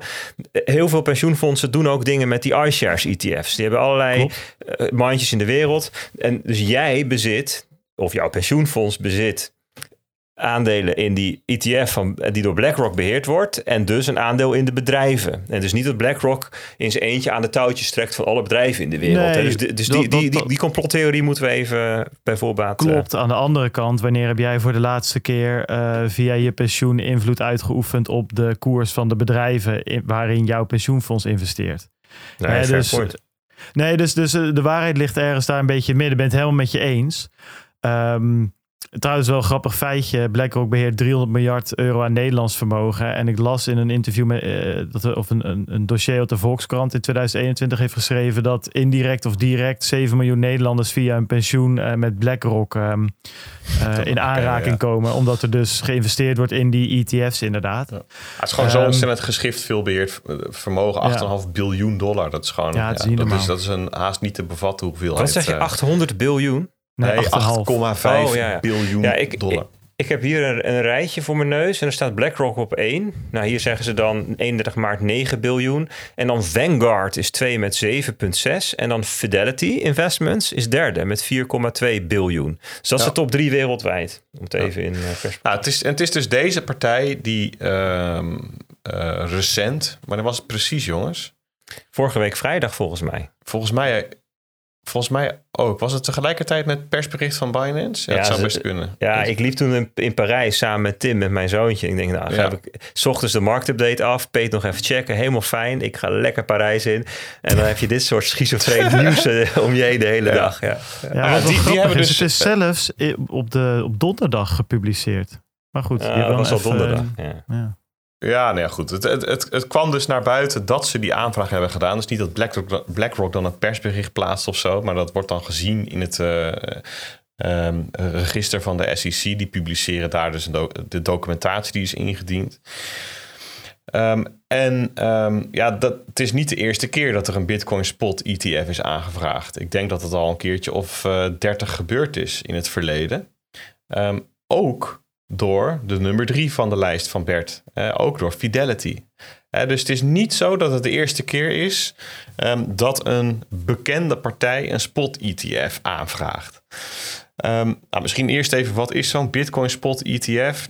In, in, je, je kent zo'n financieel product ook wel als tracker. Daarmee uh, is een financieel product dat bedoeld is om de prijs van een ander uh, asset te volgen. Een ander op de beurs verhandelbaar asset.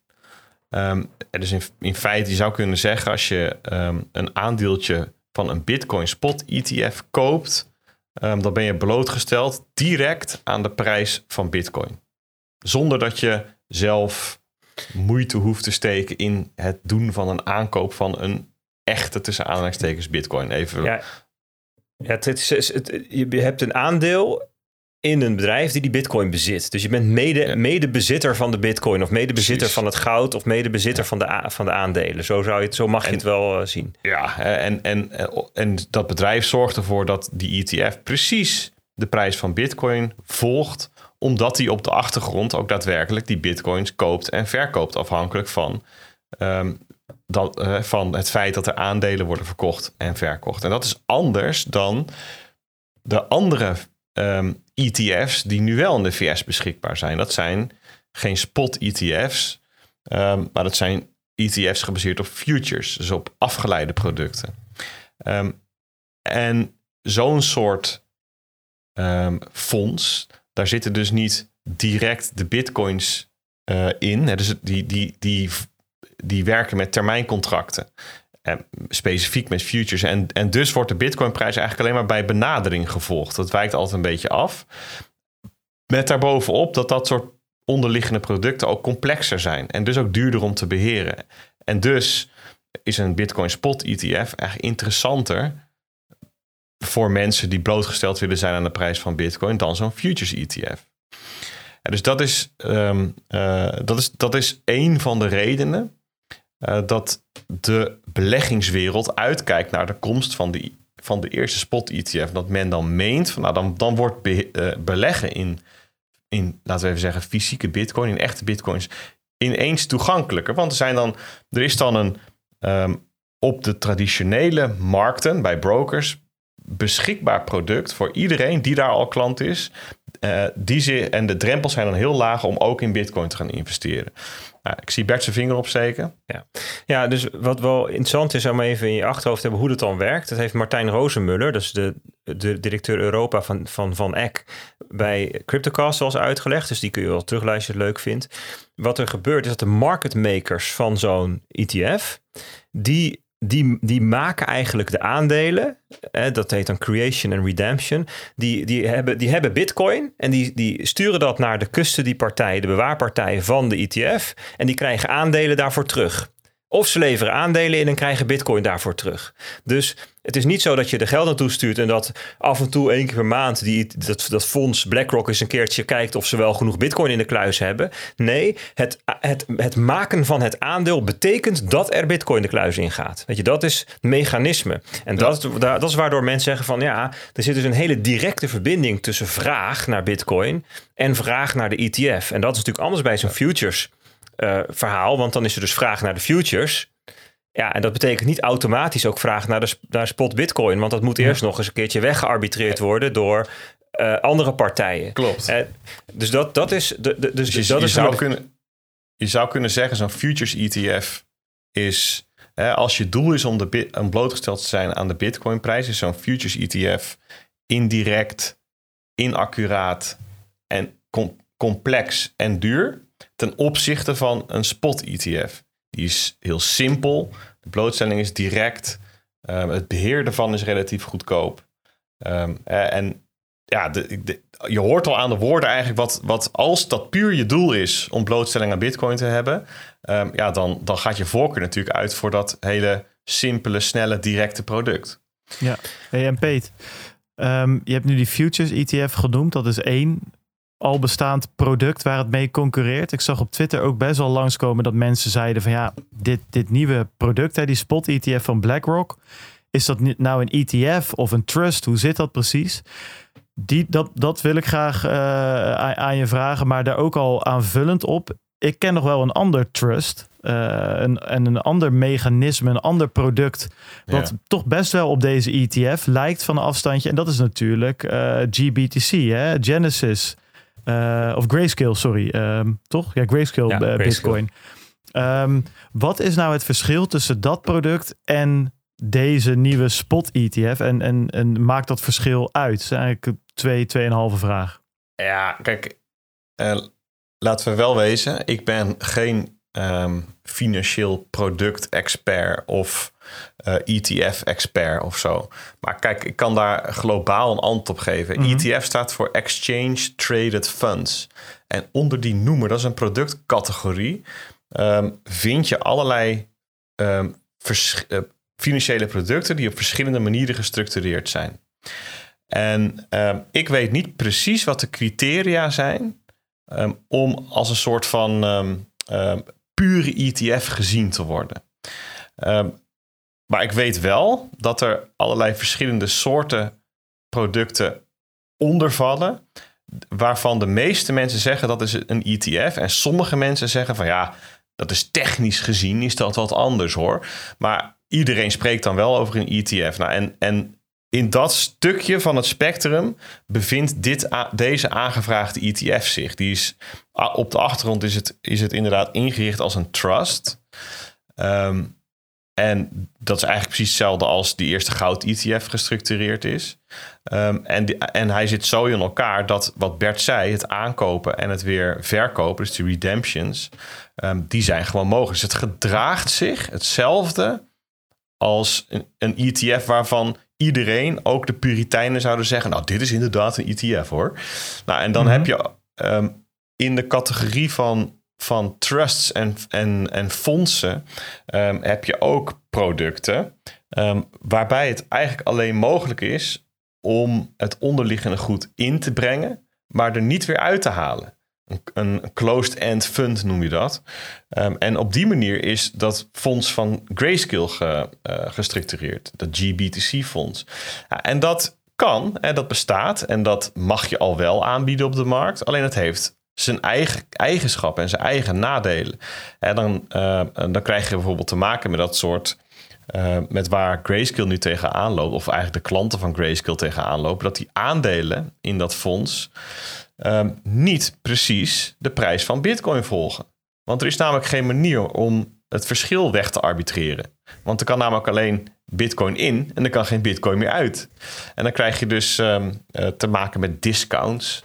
Ja. Bijvoorbeeld. En die discounts kunnen positief of negatief zijn. En dan hoor je al, het is moeilijk. Het is een moeilijk product. Kijk, het is gewoon voor eigen vraag en aanbod. Naast de vraag en aanbod van Bitcoin. Dus dat is gewoon niet een product waarmee een financial advisor van een vermogend gezin gewoon eens even gaat zeggen: Nou, lijkt me verstandig om dat eens te gaan doen of zo. laten we daar maar eens even wat mee gaan. Uh, dus er zijn in het verleden zijn gewoon allerlei, naar allerlei manieren gezocht om via de traditionele markten blootstelling te krijgen aan Bitcoin. Nou, en zo'n closed-end fund is daar een voorbeeld van. De Grayscale is daar ingesprongen.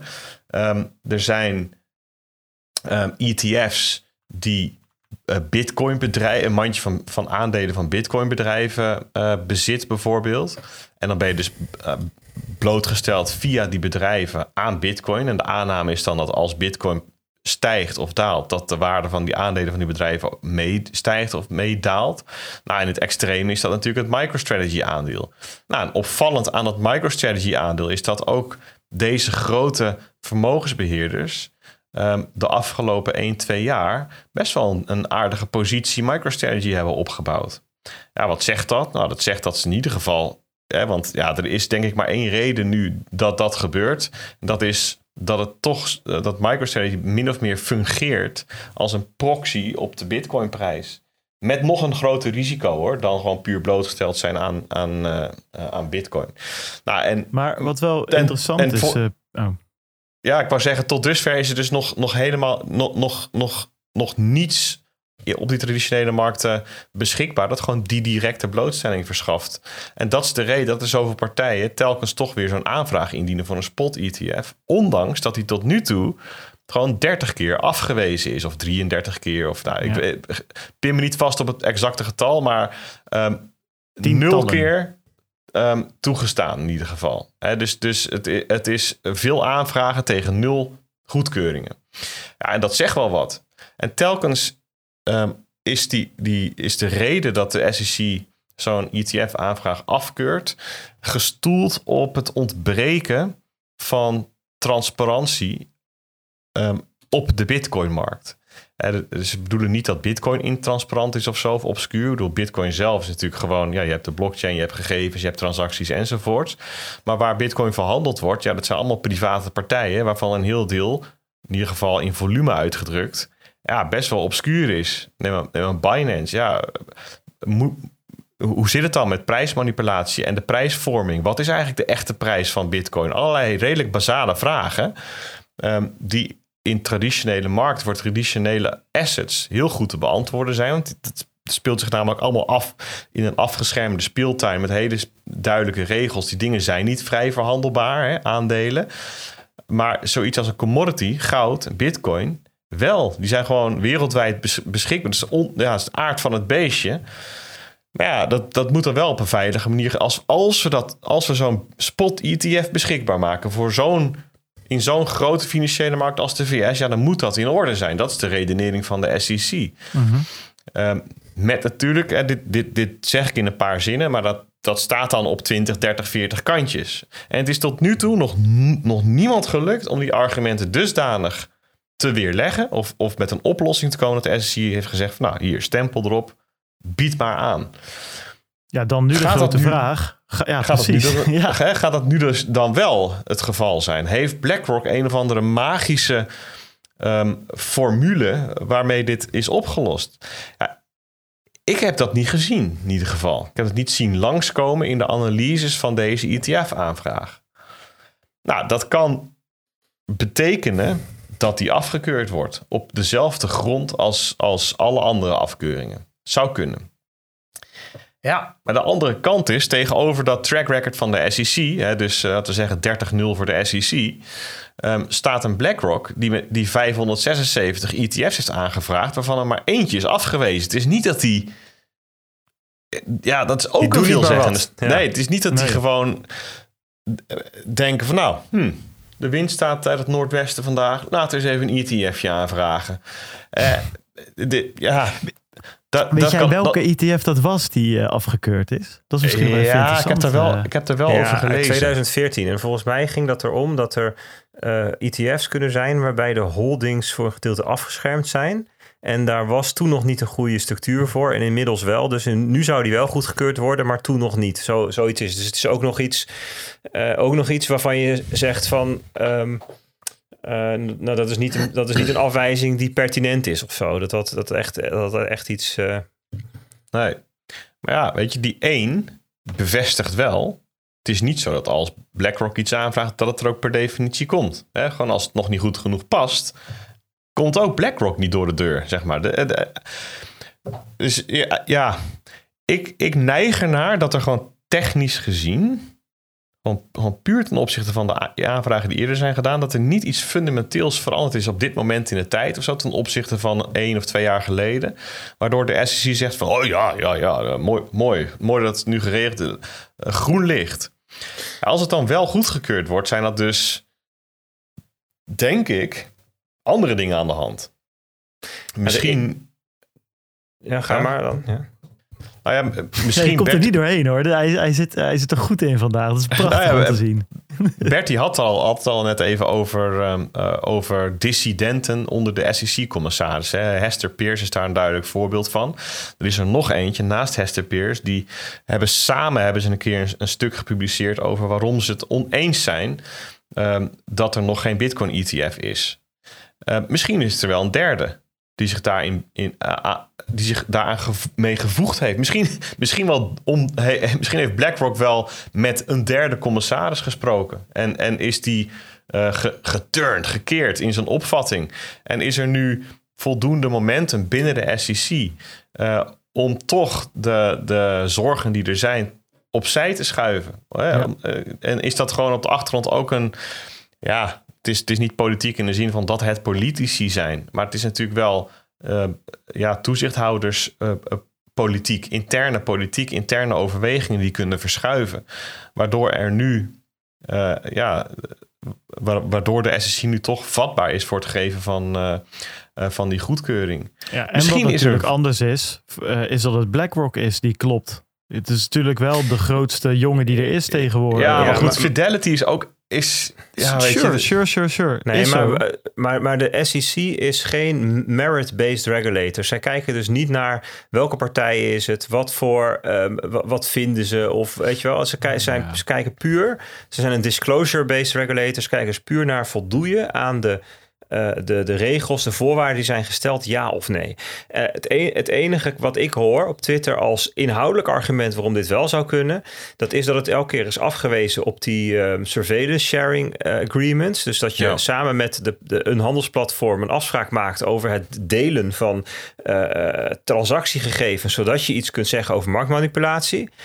En dat, um, dat, dat en een van de, van de criteria is dat het moet gaan om een market of significant size. Dus voldoende significante markt. Hè? Want als je een een of andere achteraf marktje pakt, dan zeg je ja, er gebeurt nooit wat geks. Nee, dat klopt. Dat, dat gebeurt allemaal bij Binance, zeg maar. Ja, er gebeurt dus, sowieso niks op die markt, inderdaad. Ja, ja dus, dus, dat ze, dus wat ik dan hoor als argument van waarom dit zou kunnen slagen, is dat, dat BlackRock voor het eerst een surveillance sharing agreement heeft met een market of significant size, waardoor de SEC zal gaat zeggen van oké, dan heb ik nu voldoende uh, comfort bij het, het, het, stukje toezicht op, de, eh, op het marktmanipulatie. Ze hebben overigens nog niet onthuld welke markt ze daar dan die, uh, die deal mee hebben. Nee, Wel precies. dat de Nasdaq is, maar dus dit, dit argument, dat zou dan de loophole zijn waardoor het allemaal zou ja. kunnen worden goedgekeurd. Dat was inderdaad waar, waar mijn, mijn tweede misschien, het tweede scenario is dat er gewoon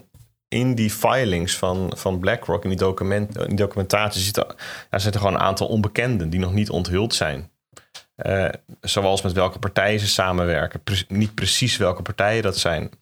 Uh, misschien hebben ze wel een hele coalitie op Ik de achtergrond. Wel Coinbase of zo, uh, custody trouwens. Um, dat wel. Dat, ja. Maar misschien hebben ze voor, voor het tegengaan van marktmanipulatie... of voor het geven van um, um, bevestiging aan de SEC... wel een hele coalitie van bedrijven weten op te tuigen ja. of zo. Waardoor er een, een heel groot... ja, wat Bert zegt, dat, dat, dat, dat er een hele relevante grote interne Bitcoin-markt in de VS is, waarvan de SEC zegt: van, Nou, dit is zo significant, ik geloof dit wel. Kan, ja, maar dat weten dat... we nog niet. Dat, dat, dat zit in die details, die moeten zich nog onthullen. En, en zolang die niet onthuld zijn, heb ik niet per se het gevoel van, nou, die ETF gaat er komen. Denk ik eigenlijk nog steeds. Maar als ik gewoon logisch nadenk, en ook de historie van wat, van wat BlackRock heeft gedaan de afgelopen uh, jaren. Uh, dat, dat is wel geinig. Hè? In, in 2017 noemde Larry Fink noemde Bitcoin een witwasindex. In 2018 kwam er nog zo'n nieuwsberichtje naar buiten van ja, mijn klanten, dat was als Larry Fink. En BlackRock hebben gewoon nul interesse in crypto. En ergens in de jaren daarna is die toon veranderd. Eh, in, in 2022 um, gingen ze voor het eerst samenwerken met Coinbase. Um, en kregen gebruikers van Aladdin, dat is een um, soort portefeuille management beheersysteem. Nou, management systeem, beheersysteem, portefeuille beheersysteem, waarmee je waarmee destijds ook toegang gegeven werd tot cryptoactiva. En in 2023 schreef Larry Fink in zijn jaarlijkse investor letter. Nou, dat is dan, hij schrijft iets, de hele wereld kijkt ernaar. Ah, dan zei hij ineens positieve dingen over digital assets en kansen en zo. Dus het is daar gekeerd. Het, uh, het, het beeld bij wat cryptoactiva zijn, wat bitcoin is, of het wel of niet blijvend is, of het waardevol is, uh, de ideeën daarover zijn veranderd. Kennelijk. Weet je, dat, dat is gewoon een observatie die je kunt doen als je de, naar, de af, naar het gedrag van BlackRock en Larry Fink kijkt over de afgelopen jaren. Maar dat is ook wat ik net bedoelde toen, uh, want ik ben het helemaal eens hoor, Bert, met wat je zei over van joh, de SEC kijkt gewoon naar de application en that's it. Ik bedoelde meer van dat het gewoon significant is dat blijkbaar een BlackRock nu zich voldoende zeker voelt om ten eerste dat ze denken, nou, dit product heeft waarde om aan te bieden aan onze klant. We kunnen hier geld mee verdienen of whatever. Er is een reden om dit op poten te gaan zetten. En we denken ook nog dat we dit voor elkaar krijgen. Want uh, het track record van 575 uh, eh, winst tegen één verlies zegt niet per se dat je altijd zal winnen. Ik bedoel, dat, dat niet. Maar het zegt blijkbaar wel dat je alleen uh, met serieuze ideeën. Nou, je schiet niet met hagel, laat ik het zo zeggen. Ja, um, nee, en, en ik denk dat die twee dingen natuurlijk wel significant anders zijn dan, dan uh, dingen. Nee, maar ja, dan wij, wij vinden, die hiervoor gezien hebben. Ja, wij vinden die verhouding nu heel belangrijk met elkaar. Dat, daar zoomen we heel erg op in. Maar ik denk dat geen van hun klanten klant is geworden... omdat ze zoveel ETF-zaken goed winnen. Dus het kan ook zijn dat ze zeggen... joh, lekker belangrijk dat er nu een tweede keer wordt afgewezen. Wij doen dit alleen maar met een soort politiek motief. Hè. Die suggestie wordt ook wel gewekt dat Larry Fink... net als Gary Gensler op zoek is naar het baantje van minister van Financiën... Hè, de Secretary of the Treasury... En dat hij op deze manier zich, uh, zich profileert of zich afzet. Of weet je wel, dat, dat er een heel ander motief achter uh, deze aanvraag zit dan hem per se willen winnen. En dat het, dat het puur onze projectie is dat zij het heel belangrijk vinden. Dat en, die, uh, en gewoon economisch. Dus ik denk die, die, dat die twee, dat, dat dat de meest logische drijfveren zijn. Dus, dus in de afgelopen jaren is het beeld bij de, bij de cryptomarkt en cryptocurrencies als asset class is veranderd ja, logisch dat je daar dan een product aan, aan wilt wijden. Dat je daar aan blootgesteld wil zijn, dat je wat vruchten wil plukken.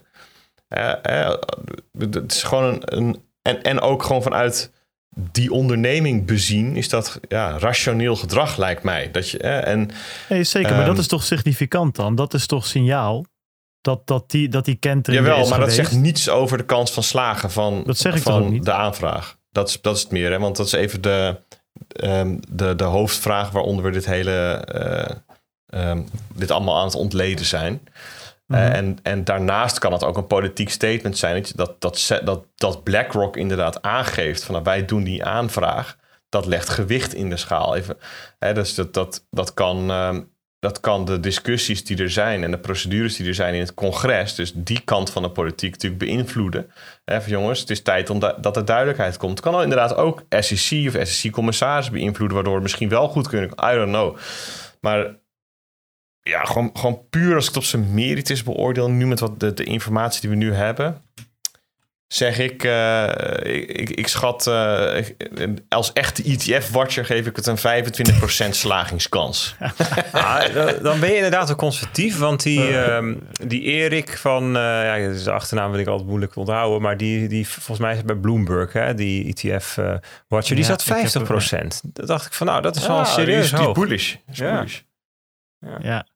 Hey, eh, wat, uh, wat ik, ja, ik probeer, wilde dat net even, even zeggen. Wat ik nog wel grappig vond om even ehm, te melden, waar ik ook wel heel benieuwd naar ben. Maar goed, dan moet deze ETF wel goedgekeurd worden voordat dat gaat spelen. Jij zei net, Peter, toen we het even over Grayscale, over die Bitcoin Trust hadden, van joh, welke of hoe maak je hier, ja, inmiddels niet meer inderdaad, maar het is natuurlijk wel gelukt om family offices en allemaal uh, investeerders warm te maken ervoor. Want ze hebben natuurlijk iets van 600, het is 650.000 bitcoin in dat, uh, in dat trust vastzitten. En ik ben wel heel benieuwd hoe dat voor onze grote vrienden daar uh, bij Grayscale gaat zijn. Want die verdienen, ja, die hebben natuurlijk een fantastisch businessmodel. Want die hebben een pot met geld wat niet opgenomen kan worden, waar ze wel een management fee over rekenen elk jaar. Dus ben benieuwd wat voor impact dat gaat hebben. En of zij dan ook kunnen, makkelijker kunnen switchen naar een ETF op het moment dat BlackRock die poort opengemaakt heeft. Dat is nog wel een interessante, hoeven we nu niet helemaal... Even, twee gedachten hierover. Ik, ik, eh, heb weinig beeld bij ehm, de diversiteit van, van de, de Grayscale klanten. dus, dus partijen die daarin geïnvesteerd hebben. Um, want het is, het is um, het, het is maar de vraag of het, of het family offices zijn, weet je wel. Het kan namelijk ook voor een heel groot deel speculatief van aard zijn geweest. Er is namelijk een periode geweest dat het gewoon heel lucratief was Mhm. om die aandelen te, koop, te kopen. Dat was gewoon onderdeel van een, uh, van een handelsstrategie waarmee je relatief passief 10 plus procent kon pakken op relatief korte termijn. Uh, en het zou mij eerlijk gezegd niet verbazen dat een heel belangrijk deel van die pot gewoon bestaat uit ja, agressieve handelaars. Niet in de zin van dat ze elkaar verrot slaan, maar um, partijen Doen ze die ook agressieve strategieën mogen uitvoeren. Um, dat die daar geld in hebben vastzitten. Ja, die hebben, dus hoe, hoe die arbitrage werkte is dat die hele grote partijen waar je het over hebt, zoals bijvoorbeeld 3AC, die deed er ook in mee, die, kocht, die mochten dus die uh, aandelen Grayscale kopen bij de bron zelf. En dan mochten ze na zes maanden op de secundaire markt verkopen met winst. Want die, dus daar zat toen een premium op. Precies. Alleen aan wie verkochten ze dat en waarom was er een premium? Omdat er blijkbaar op de secundaire markt vraag was. Dus, dus um, uiteindelijk zijn er ook heel veel consumenten die dus niet bij de bron konden kopen, die het op de secundaire markt kochten. Die zitten nu allemaal met die GBTC-aandelen die minder waard zijn. Dus al die grote partijen die onder één hoedje hebben gespeeld, Barry Silbert en zijn vuile vriendjes, die hebben dus heel veel geld verdiend en dat gedumpt op consumenten die nu met een inferieur product zitten. En ze zullen ja, zelf ook nog wel met, een, met een plukje blijven zitten hoor, dat geloof ik verhaal, wel. Maar... Het verhaal bij GBTC was natuurlijk ook altijd dat dit de mogelijkheid was voor bedrijven om bitcoin te kopen, et cetera, et cetera. Dat was ja. even het punt wat ik aan wilde Maar ik denk dat de waardering halen. van Grayscale er niet beter van wordt, nee. Zeker nou, niet. Wat wel grappig is, de, de discount is wel stevig teruggelopen de afgelopen dagen. Dus er zijn wel blijkbaar wat mensen die speculeren erop dat dus uh, BlackRock het lukt en dat daarna ook Grayscale het ook kan gaan omzetten naar een ETF. Ja. Ja, waardoor dus de onderliggende bitcoins opgenomen kunnen worden. En dan heb je ja. dus nu goedkoop bitcoin gekocht. Dat is het idee. Precies, precies. Ja. Uh, maar de waardering van Grayscale gaat dan onderuit. Dat is nog Zeker. interessant ook in de zaak. Ja. Um, in de vier cementzaken. Ja, want Grayscale is ontzettend veel waard. Omdat ze 2% van hun uh, bitcoins onder beheer per jaar... gewoon in hun eigen zakken mogen steken. Precies, als beheerfee. Ja. En there's nothing you can do about it uh, als klant, zeg maar. Want ja, je kan je geld niet weghalen op dit moment. Je bitcoin in nee. ieder geval. Hey, um, hebben we dat even gehad? Gaan we toch even onze heilige regel uh, van na anderhalf uur geen nieuw onderwerp aanhalen, toch even verbreken, want dit kunnen we niet laten liggen. Namelijk dat ja, Binance nog, Nederland... dat, in dat geval wil ik je nog heel even onderbreken.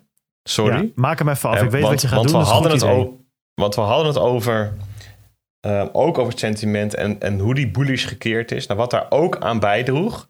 Hè, dus we hebben het nu heel lang over BlackRock gehad. Uh, maar er waren allerlei financiële instellingen die dat voorbeeld direct volgden. Uh, dus Invesco, een partij met uh, anderhalf biljoen onder beheer, die heractiveerde, die had hem in de koelkast gestopt, zijn eigen ETF-aanvraag, ook voor een spot ETF. Wisdom Tree, 87 miljard onder beheer, diende er ook eentje in. Bitwise heeft een miljard in beheer, die diende er ook eentje in. Um, dat zijn dus, dus even wat partijen die ook hebben gezegd van oké, nou, dit, is, dit is signaal. Wij gaan erachteraan. Ja, en Ark had er al één lopen, hè? Om hem even helemaal Ark had er al één. Die, die, die is eigenlijk de eerste die weer een, een, ja. een uh, al dan niet... Een, die krijgt en ze, hebben allemaal, ja. ze hebben allemaal hun structuur aangepast... zodat die precies lijkt op die van ja. BlackRock. precies, precies. Nou, en in dezelfde... Um, ja, in dezelfde golf kwam dus ook dat nieuws naar buiten van Citadel, Fidelity en Charles Schwab hè, met een nieuwe exchange. Um, ook Deutsche Bank meldde zich.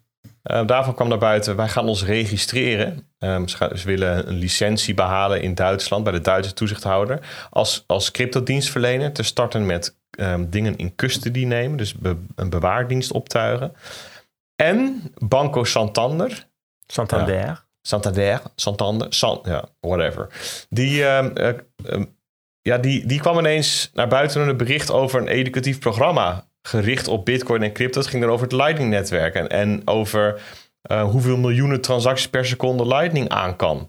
Ook zo'n, ja, weet je, omdat het zo'n grote financiële instelling is, in ditzelfde rijtje gezet en onder dezelfde paraplu van de financiële instellingen, die staan te trappelen om wat met onze sector te doen. Onder die paraplu is het allemaal gehangen. Nou ja, en nou ja, wat ik al zei, zo'n zo zo narratief, dat is een overdrijving. Maar het, is op, het valt op. Het is gewoon opvallend. Het ten opzichte van hoe je vorige week zaten, wat er nu hierover te melden is, ja, is gewoon leuk. Is gewoon, Binnenkort met de biertap naar Spanje, jongens. ja, precies. Gaan we daar even langs. Kunnen ze een miljoen biertjes per seconde tappen? Oh nee, zo ging dat niet. Ja. Ik moet wel zeggen, even in het kader van uh, wat je net zei, heel terecht, beide benen op de grond. Ik heb dat stuk van uh, Santander even doorgelezen. Ja, ze halen wel weer Stripe en Strike door elkaar, weet je wel. Dus kwalitatief moet je er niet veel van verwachten. Maar ik ben het met je eens. Het feit dat ze erover schrijven opeens weer, dat is inderdaad weer zo'n bullish signaalpuntje. Oh. Um, pakken wij hem weer even op bij Binance, want dan gaan we daar uh, mee door. Um, ja, Binance, vorige week vrijdag, wat ik ook al zei net um, uh, in, uh, in het begin van de aflevering. Toen stuurden we daar een alpha alert over, want we vonden het toch belangrijk genoeg om daar even wat over te roepen. Nou, trouwens, dat is wel grappig. Dat vonden we in eerste instantie niet. We zullen uitleggen waarom. Um, maar we kregen daarna zoveel vragen en het, ja, we hadden ook wel een beetje, ja, we hebben het vrij snel veranderd. Dat we dachten, oké, dit is voor veel mensen toch zo schokkend. Uh, en, en ook wel een, een um, beetje onzeker. Maakt mensen onzeker van wat moet ik nou met mijn geld? Dat we toch een alert uh, direct hebben verstuurd. Ja, nou, wat... Bijkomend uh, stelregel voor onszelf is ook dat we onze lezers niet uh, helemaal plat gooien met onze content. We hadden net een markets verstuurd. Ja. dat, is, dat is een hartstikke mooie editie. En de, daar kun je, de, dat, daar heb je een, een, kwartiertje voor nodig om dat te lezen van een half uurtje of, of naar te luisteren. En dan, is zo'n, zo, dan is de vrijdag ook mooi gevuld. Zeker. Ja, ga je dan op dezelfde dag ook nog een, eh, een uitgebreide alert versturen? En daar zijn we altijd voorzichtig mee. Dat is wel onderdeel ja, en van, de, sowieso, van de wij, uh, wij, wij zetten niet overal breaking bij. Dus met, als we een alert versturen is er echt wat aan de hand. En ik moet zeggen, we kregen vrij snel in de gaten ja, hier is toch wel echt wat aan de hand, iets. zeg maar. Dit doet iets inderdaad. Nou, wat gebeurde er? Afgelopen vrijdag dus, 16 uh, eh, juni, maakte, of stuurde Binance, uh, kwam met een Twitterbericht en een e-mail naar Nederlandse klanten, waarin stond, het was om 11 uur s ochtends, jongens, uh, we stoppen ermee in Nederland. Um, daar zaten een aantal data bij. per direct, dus per 16.6, uh, stoppen ze met het aannemen van nieuwe Nederlandse klanten. Dus als jij nog geen Binance-account had, kon je die niet meer maken als Nederlander. Um, ja, in het persbericht uh, ging het vooral over 17 juli als uh, cut-off date. Um, um, maar in, het, in de e-mail die ze stuurden was, was, het iets gedetailleerder. Dus die data pak ik even. Tot 12 juli kunnen bestaande klanten nog handelen. En dat stopt vanaf 12 juli, juli, 12-7. Uh, en tot 17 juli weer, dus 17-7, uh, kan er nog gestort worden uh, en gekocht worden. En met kopen, dat zijn dan volgens mij is weer wat anders dan handelen. Maar dat heeft met die creditcards en al die andere programma's te maken. Een beetje dat soort dingen. En dat gaat daarna ook dicht. En daarna kan je dus alleen nog opnemen. Dus om meteen even de lucht te klaren. Ja, ik zou wel, kijk, ons, om even op de zaken vooruit te lopen. Wij raden wel aan, ja, haal je cryptocurrency weg bij Binance. Het heeft geen zin meer om het daar te laten staan. Maar als we het nieuwsbericht gewoon, uh, het persbericht gewoon lezen, dan uh, kan jij je cryptocurrency gewoon opnemen na 17 juli. Maar wat ik al zei, er zitten een paar haken en ogen aan. Kijk, uh, met Bitcoin, met Ether, dat komt wel goed. Hè, er zijn allemaal prachtige Bitcoin en Ether wallets waar je naartoe kan opnemen. En de meeste andere exchanges uh, accepteren ook Bitcoin en Ethereum. Dus dan kan je het daar naartoe sturen. Problematischer wordt het uh, met wat meer obscure uh, coins. en de Binance coin. Ik weet niet, is het BNB tegenwoordig? BNC? Nou, in ieder geval voor mij nog steeds ja. BNB inderdaad ja, die wordt niet op zo heel veel andere exchanges verhandeld. Laat staan uh, als die er al verhandeld wordt, dat het veel uh, volume heeft. Ja, en met de wat, wat ik zeg, de kleinere coins. Binance heeft gewoon veruit het grootste aanbod, volgens mij nog steeds. Ja, die, die kan je niet zomaar allemaal naar een andere exchange sturen. Simpelweg omdat die die coin niet aanbieden. En soms is het ook opeens best wel lastig met uh, wallets, self-custody. Dat is ook met die kleinere coins niet altijd even makkelijk als met Bitcoin of met een Ethereum. Um, ik weet nog wel vroeger uh, met ERC20 tokens. Ja, dan kon je ze op je ledger zetten. Maar dat was dan meer, ja, je moest maar geloven dat, dat ze er stonden. Want in de UI zag je ze niet terug. Uh, omdat het allemaal niet um, uh, in die software was opgenomen. Dus op je adres staat het wel. Nou, je hoort het wel. daar moet je wat meer expert voor zijn. Dat is voor heel veel mensen gewoon lastig. Dus wat je dan moet doen, wat wij dan aanraden, is ja, als je het niet op kan nemen, ja, dan zou je het moeten verkopen tegen Bitcoin of tegen Ether. En die coin dan opnemen of naar een andere exchange uh, versturen. Um, dat is even de huishoudelijke mededelingen. Dan de vraag, ja, waarom is dit gebeurd? Ja, ja, daar kunnen we. Uh, laten we eerst beginnen met wat Binance zegt. Daarna kunnen we even gaan, uh, gaan roddelen en gaan gissen, natuurlijk, daarover. Het korte verhaal is: uh, ze, ze, ze hebben gewoon de registratieprocedure bij DNB. Dus de registratie tot, ehm, voor, voor de AML D5-wetgeving. Dus dat gaat over voor de WWFT eigenlijk in Nederland. Uh, registratie als crypto-dienstverlener en um, um, custodial wallet partij. Of crypto bewaar portemonnee aanbieder, iets in die richting. ja, die, die registratieprocedure, daar zaten ze in, dat wisten we. Uh, en die hebben ze gestaakt. En met als reden van ja, we komen er niet uit. DNB wil iets wat wij niet kunnen leveren. En of DNB nou de stekker eruit heeft getrokken of Binance is niet helemaal duidelijk. Maar het is wel duidelijk van joh, we stoppen hiermee en we vertrekken uit Nederland. Uh, we wisten natuurlijk al dat het niet helemaal goed verliep. Want vorig jaar hebben we al uh, vrij veel aandacht eraan besteed dat ze een boete van DNB hadden gekregen van 3,25 miljoen euro. Wegens het aanbieden van cryptodienstverlening in Nederland of aan Nederlandse klanten. Um, zonder registratie. We hebben in dat boetebesluit en in de reactie van Binance, dat hebben we ook best wel uitgeplozen kunnen zien dat er meerdere registratieaanvragen gedaan zijn. Er zijn er ook een aantal weer ingetrokken, waar, waarna er weer een nieuwe registratieaanvraag gedaan is. We hebben ook een beetje kunnen zien waarop dat, waarop dat stil, uh, kapot liep. We hebben ook gezien dat ze hebben gekeken om Nederlandse partijen over te nemen of te gebruiken uh, voor hun registraties. Ze hebben van alles geprobeerd. Ja, dat is blijkbaar niet gelukt. Um, ja, ja, ja, uiteindelijk, ja, we kunnen erom gissen waarom dat dan niet lukt, waarop dat op stuk is gelopen. Ik heb dat nog niet helemaal um, naar buiten zien komen. Ja, het is interessant, want in dezelfde week uh, zagen we ook dat Binance, in ieder geval, of in ieder geval de dochteronderneming van Binance, die dat dan in dat land zou moeten doen. Uh, in Cyprus en, en het Verenigd Koninkrijk trekken ze hun registratie in. Daar hadden ze dus een registratie voor als crypto uh, dienstverlener en die trekken ze in. Dus uh, zowel in Cyprus als Verenigd Koninkrijk vertrekken ze dus weer, voor zover ze al aanwezig waren officieel. Um, en in Frankrijk is er een, en daar hebben ze dus wel een registratie, is er een onderzoek gestart uh, naar Binance richting, um, of omtrent illegale cryptos, het ook weer het aanbieden van illegale crypto services en ook het niet naleven van de witwas-wetgeving eh, die daar is. Dus ja, een week vol met problemen voor Binance in Europa, kunnen we wel, uh, kunnen we wel zeggen.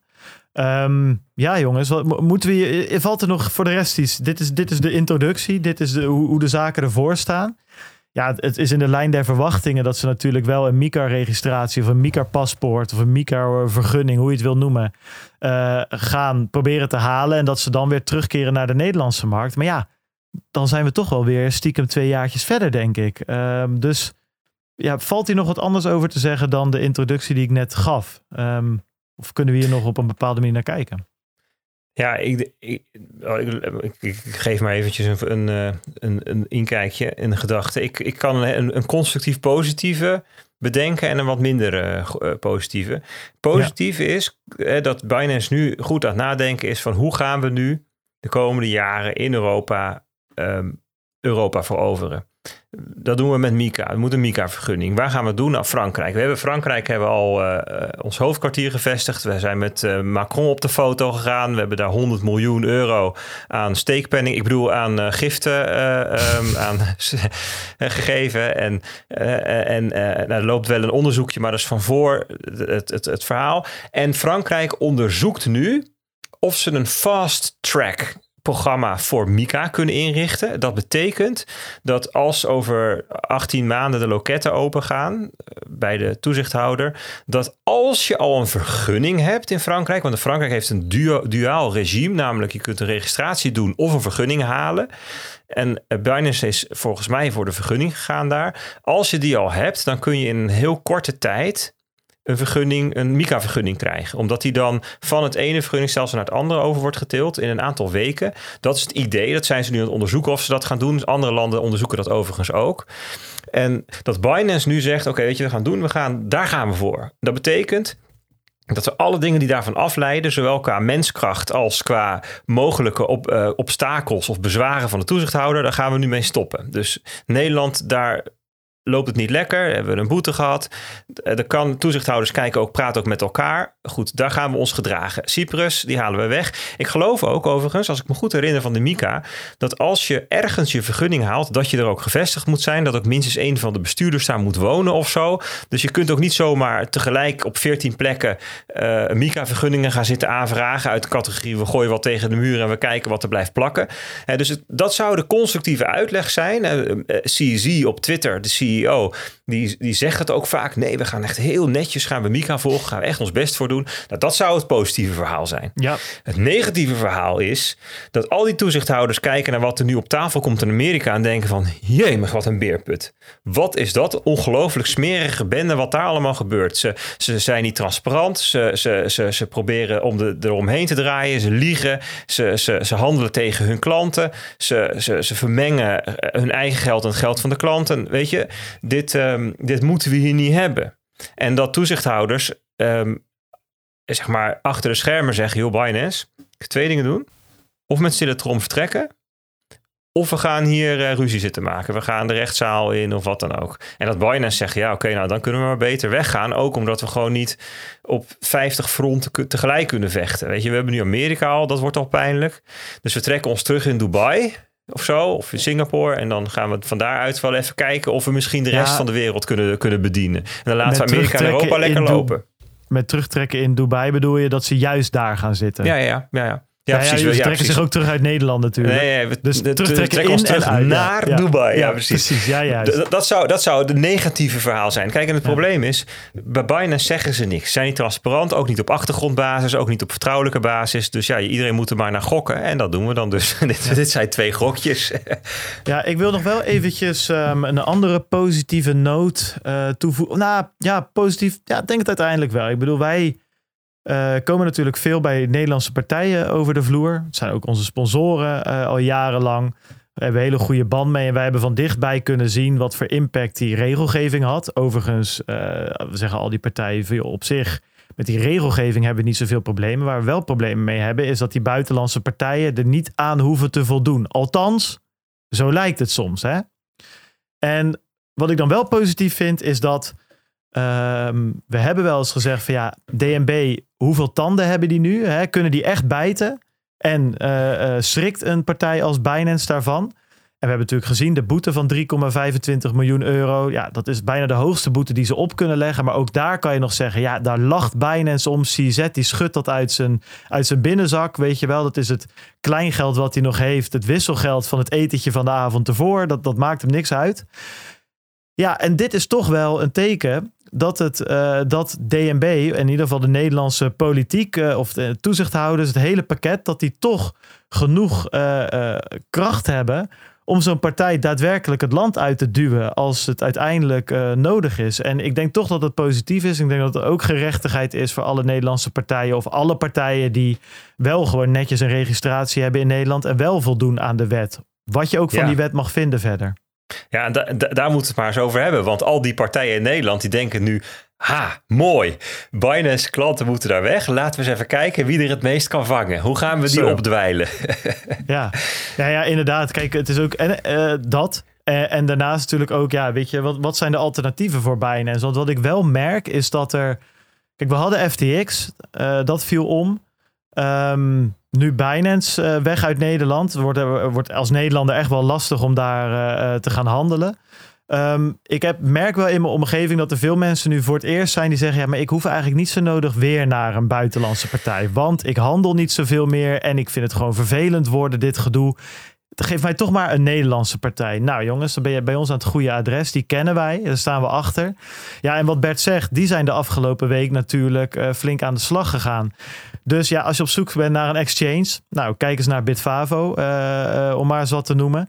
Um, zij zijn op dit moment de enige in Nederland met. De, nou, je hebt natuurlijk Bitonic heeft een exchange, dat is Bitcoin only. Dus als jij op zoek bent naar een DCA-mogelijkheid, dan kan je bij uh, Bitcoin DCA-mogelijkheid kan je bij Bitonic kijken. Als jij een vervanging wil voor Binance, dus met alle munten die erbij horen, met alle services die erbij horen, ja, dan kom je toch bij Bitonic terecht. die hebben, ja. uh, of Bitfavo terecht, sorry.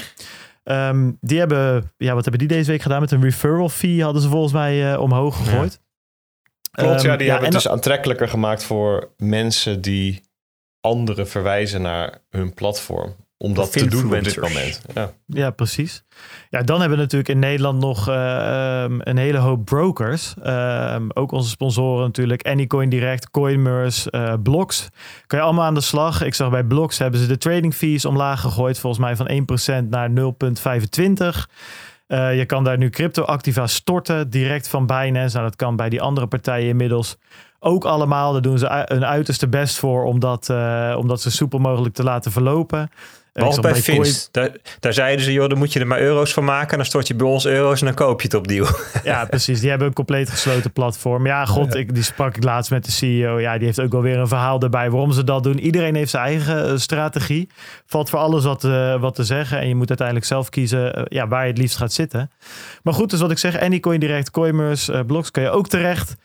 En dan zag ik nog Amdax. Um, daar is de, dat is ook wel grappig, die hebben de drempel verlaagd. Uh, voor mij was dat eerst 25.000 euro en nu kan je er ook voor 2500 euro terecht. Dus het ook... was al 10.000 in de bearmarkt. Oké. Okay. Ook omdat dus vanuit het idee de... van, van als je stel dat je uh, op, uh, voor het 60.000 euro bitcoin hebt gekocht, hè, toen het 60k stond, dan is dat nu 15k. Dus dan is het ook reëel om de drempel wat mee naar beneden te, ja, te verplaatsen. precies. Dus nu ook voor de serieuze, wat kleinere crypto belegger. Um, ja, en die hebben dus ook een gratis overstapservice. Um, ja, moet je ze even bellen of mailen. En dat bij die maar, andere uh, partijen ook, denk ik. Maar nu benader je het vanuit de dienstverleners. En ik vind het ook wel leuk om nog even vanuit de, um, zeg maar de consument, ik wil zeggen de speculant, de Binance klant te denken. Ja. En stel je bent Binance klant kijk, Binance had natuurlijk een ongelooflijk breed dienstenpakket. Hè? Ze hadden natuurlijk gewoon een spotmarkt waar je, waar je assets kon kopen. En dan hadden ze ongelooflijk veel muntjes. Maar ze hadden ook allerlei derivaten. Hè? Futures contracten, perps, handel met hefbomen.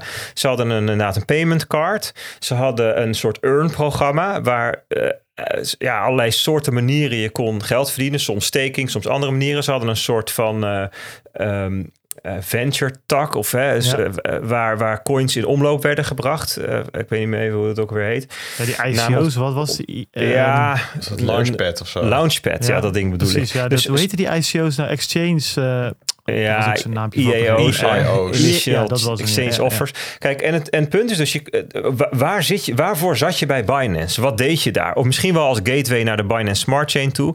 Kijk, en afhankelijk van wat je daar deed, is er ook een logische plek om te landen. Hè? Dus als je daar zat omdat je heel erg uh, actief aan traden was, zat in een trading group waar calls werden gegeven, ja, die zie ik eigenlijk allemaal naar Bybit ver verhuizen. Ja, dus daar heeft het niet zoveel zin om dan uh, um, in je eentje ja, ergens anders te gaan. Het ook, uh... Die doen dat ook. Bybit, Bybit ja. doet, doet wat, wat trading betreft redelijk vergelijkbaar met Binance. Kijk, ik kan me voorstellen dat dit ook een moment voor je is dat je denkt, ja, het is weer een bearmarkt. Ik zie al die alts leegbloeden. Misschien ben ik wel even klaar met dat getrade. En Misschien is dit het moment te zeggen, joh, ik ga niet naar Bybit, maar ik zoek daadwerkelijk een plek waar ik het gewoon neer kan zetten. Hè? Maar afhankelijk van wat je deed, dus stel dat je staking had, ja, weet je, en, en, dan moet je dus ook in Nederland op zoek naar een partij die staking echt goed voor je regelt. Maar dan ook echt goed, gewoon transparant. Deze munt, ga ik dit voor doen. Hè? Bijvoorbeeld Amdax kun je bijvoorbeeld je eigen uh, Ether, Ethereum validator krijgen. Gewoon 32 ETH, validaten, klaar. Dat is heel transparant. Dat is het anders dan dat je ergens een vinkje aanzet en dan wordt het gesteekt. Dus afhankelijk van wat je daar deed bij Binance, zou ik ook kijken van wat is dan een goede partij om, uh, om te landen. Dat is natuurlijk even een andere invalshoek. En ja, persoonlijk, ik had zelf ook nog een Binance account, of Peter, die hadden dat samen. Daar gebruikten we vroeger. We hebben vroeger nog 2017, 18 dan gingen we spec minen. Hadden we zo'n oude Ethereum miner. En dan kwamen er nieuwe coins uh, in, uh, die werden bedacht. En dan kon je die helemaal in het begin gaan minen. En dan, uh, nou, met een beetje geluk werd het wat waard. ja, waar moest je dat verkopen? Ja, Binance natuurlijk, ja. weet je wel. Dus we hadden ook nog een Binance account. En ook met nog wat allemaal aan die oude rommel. Ja, dus ook voor ons moment te denken... Nou weet je, het is wel mooi geweest. We dumpen die, dat allemaal klaar. Ding dicht, wegwezen. Ja. En we gooien dat bij, nou ja een andere partij in Nederland. Een Amdax, Twavo, zoiets. Ja. Nou ja, wat ik zeg, uh, ik denk dat wat je net uh, aangeeft, uh, dat dat, um, dat dat het belangrijkste is. Kijk waar je je fijn bij voelt. Al die partijen die we noemen, ja, die kennen we allemaal al jaren. Sta ik allemaal achter. En, maar er is voor iedereen, uiteindelijk heb je een favoriet. Um, omdat hij het beste past bij wat je wil. En omdat je daar een fijn gevoel bij hebt. En omdat je er misschien al een paar jaar zit en daar een fijn gevoel bij krijgt.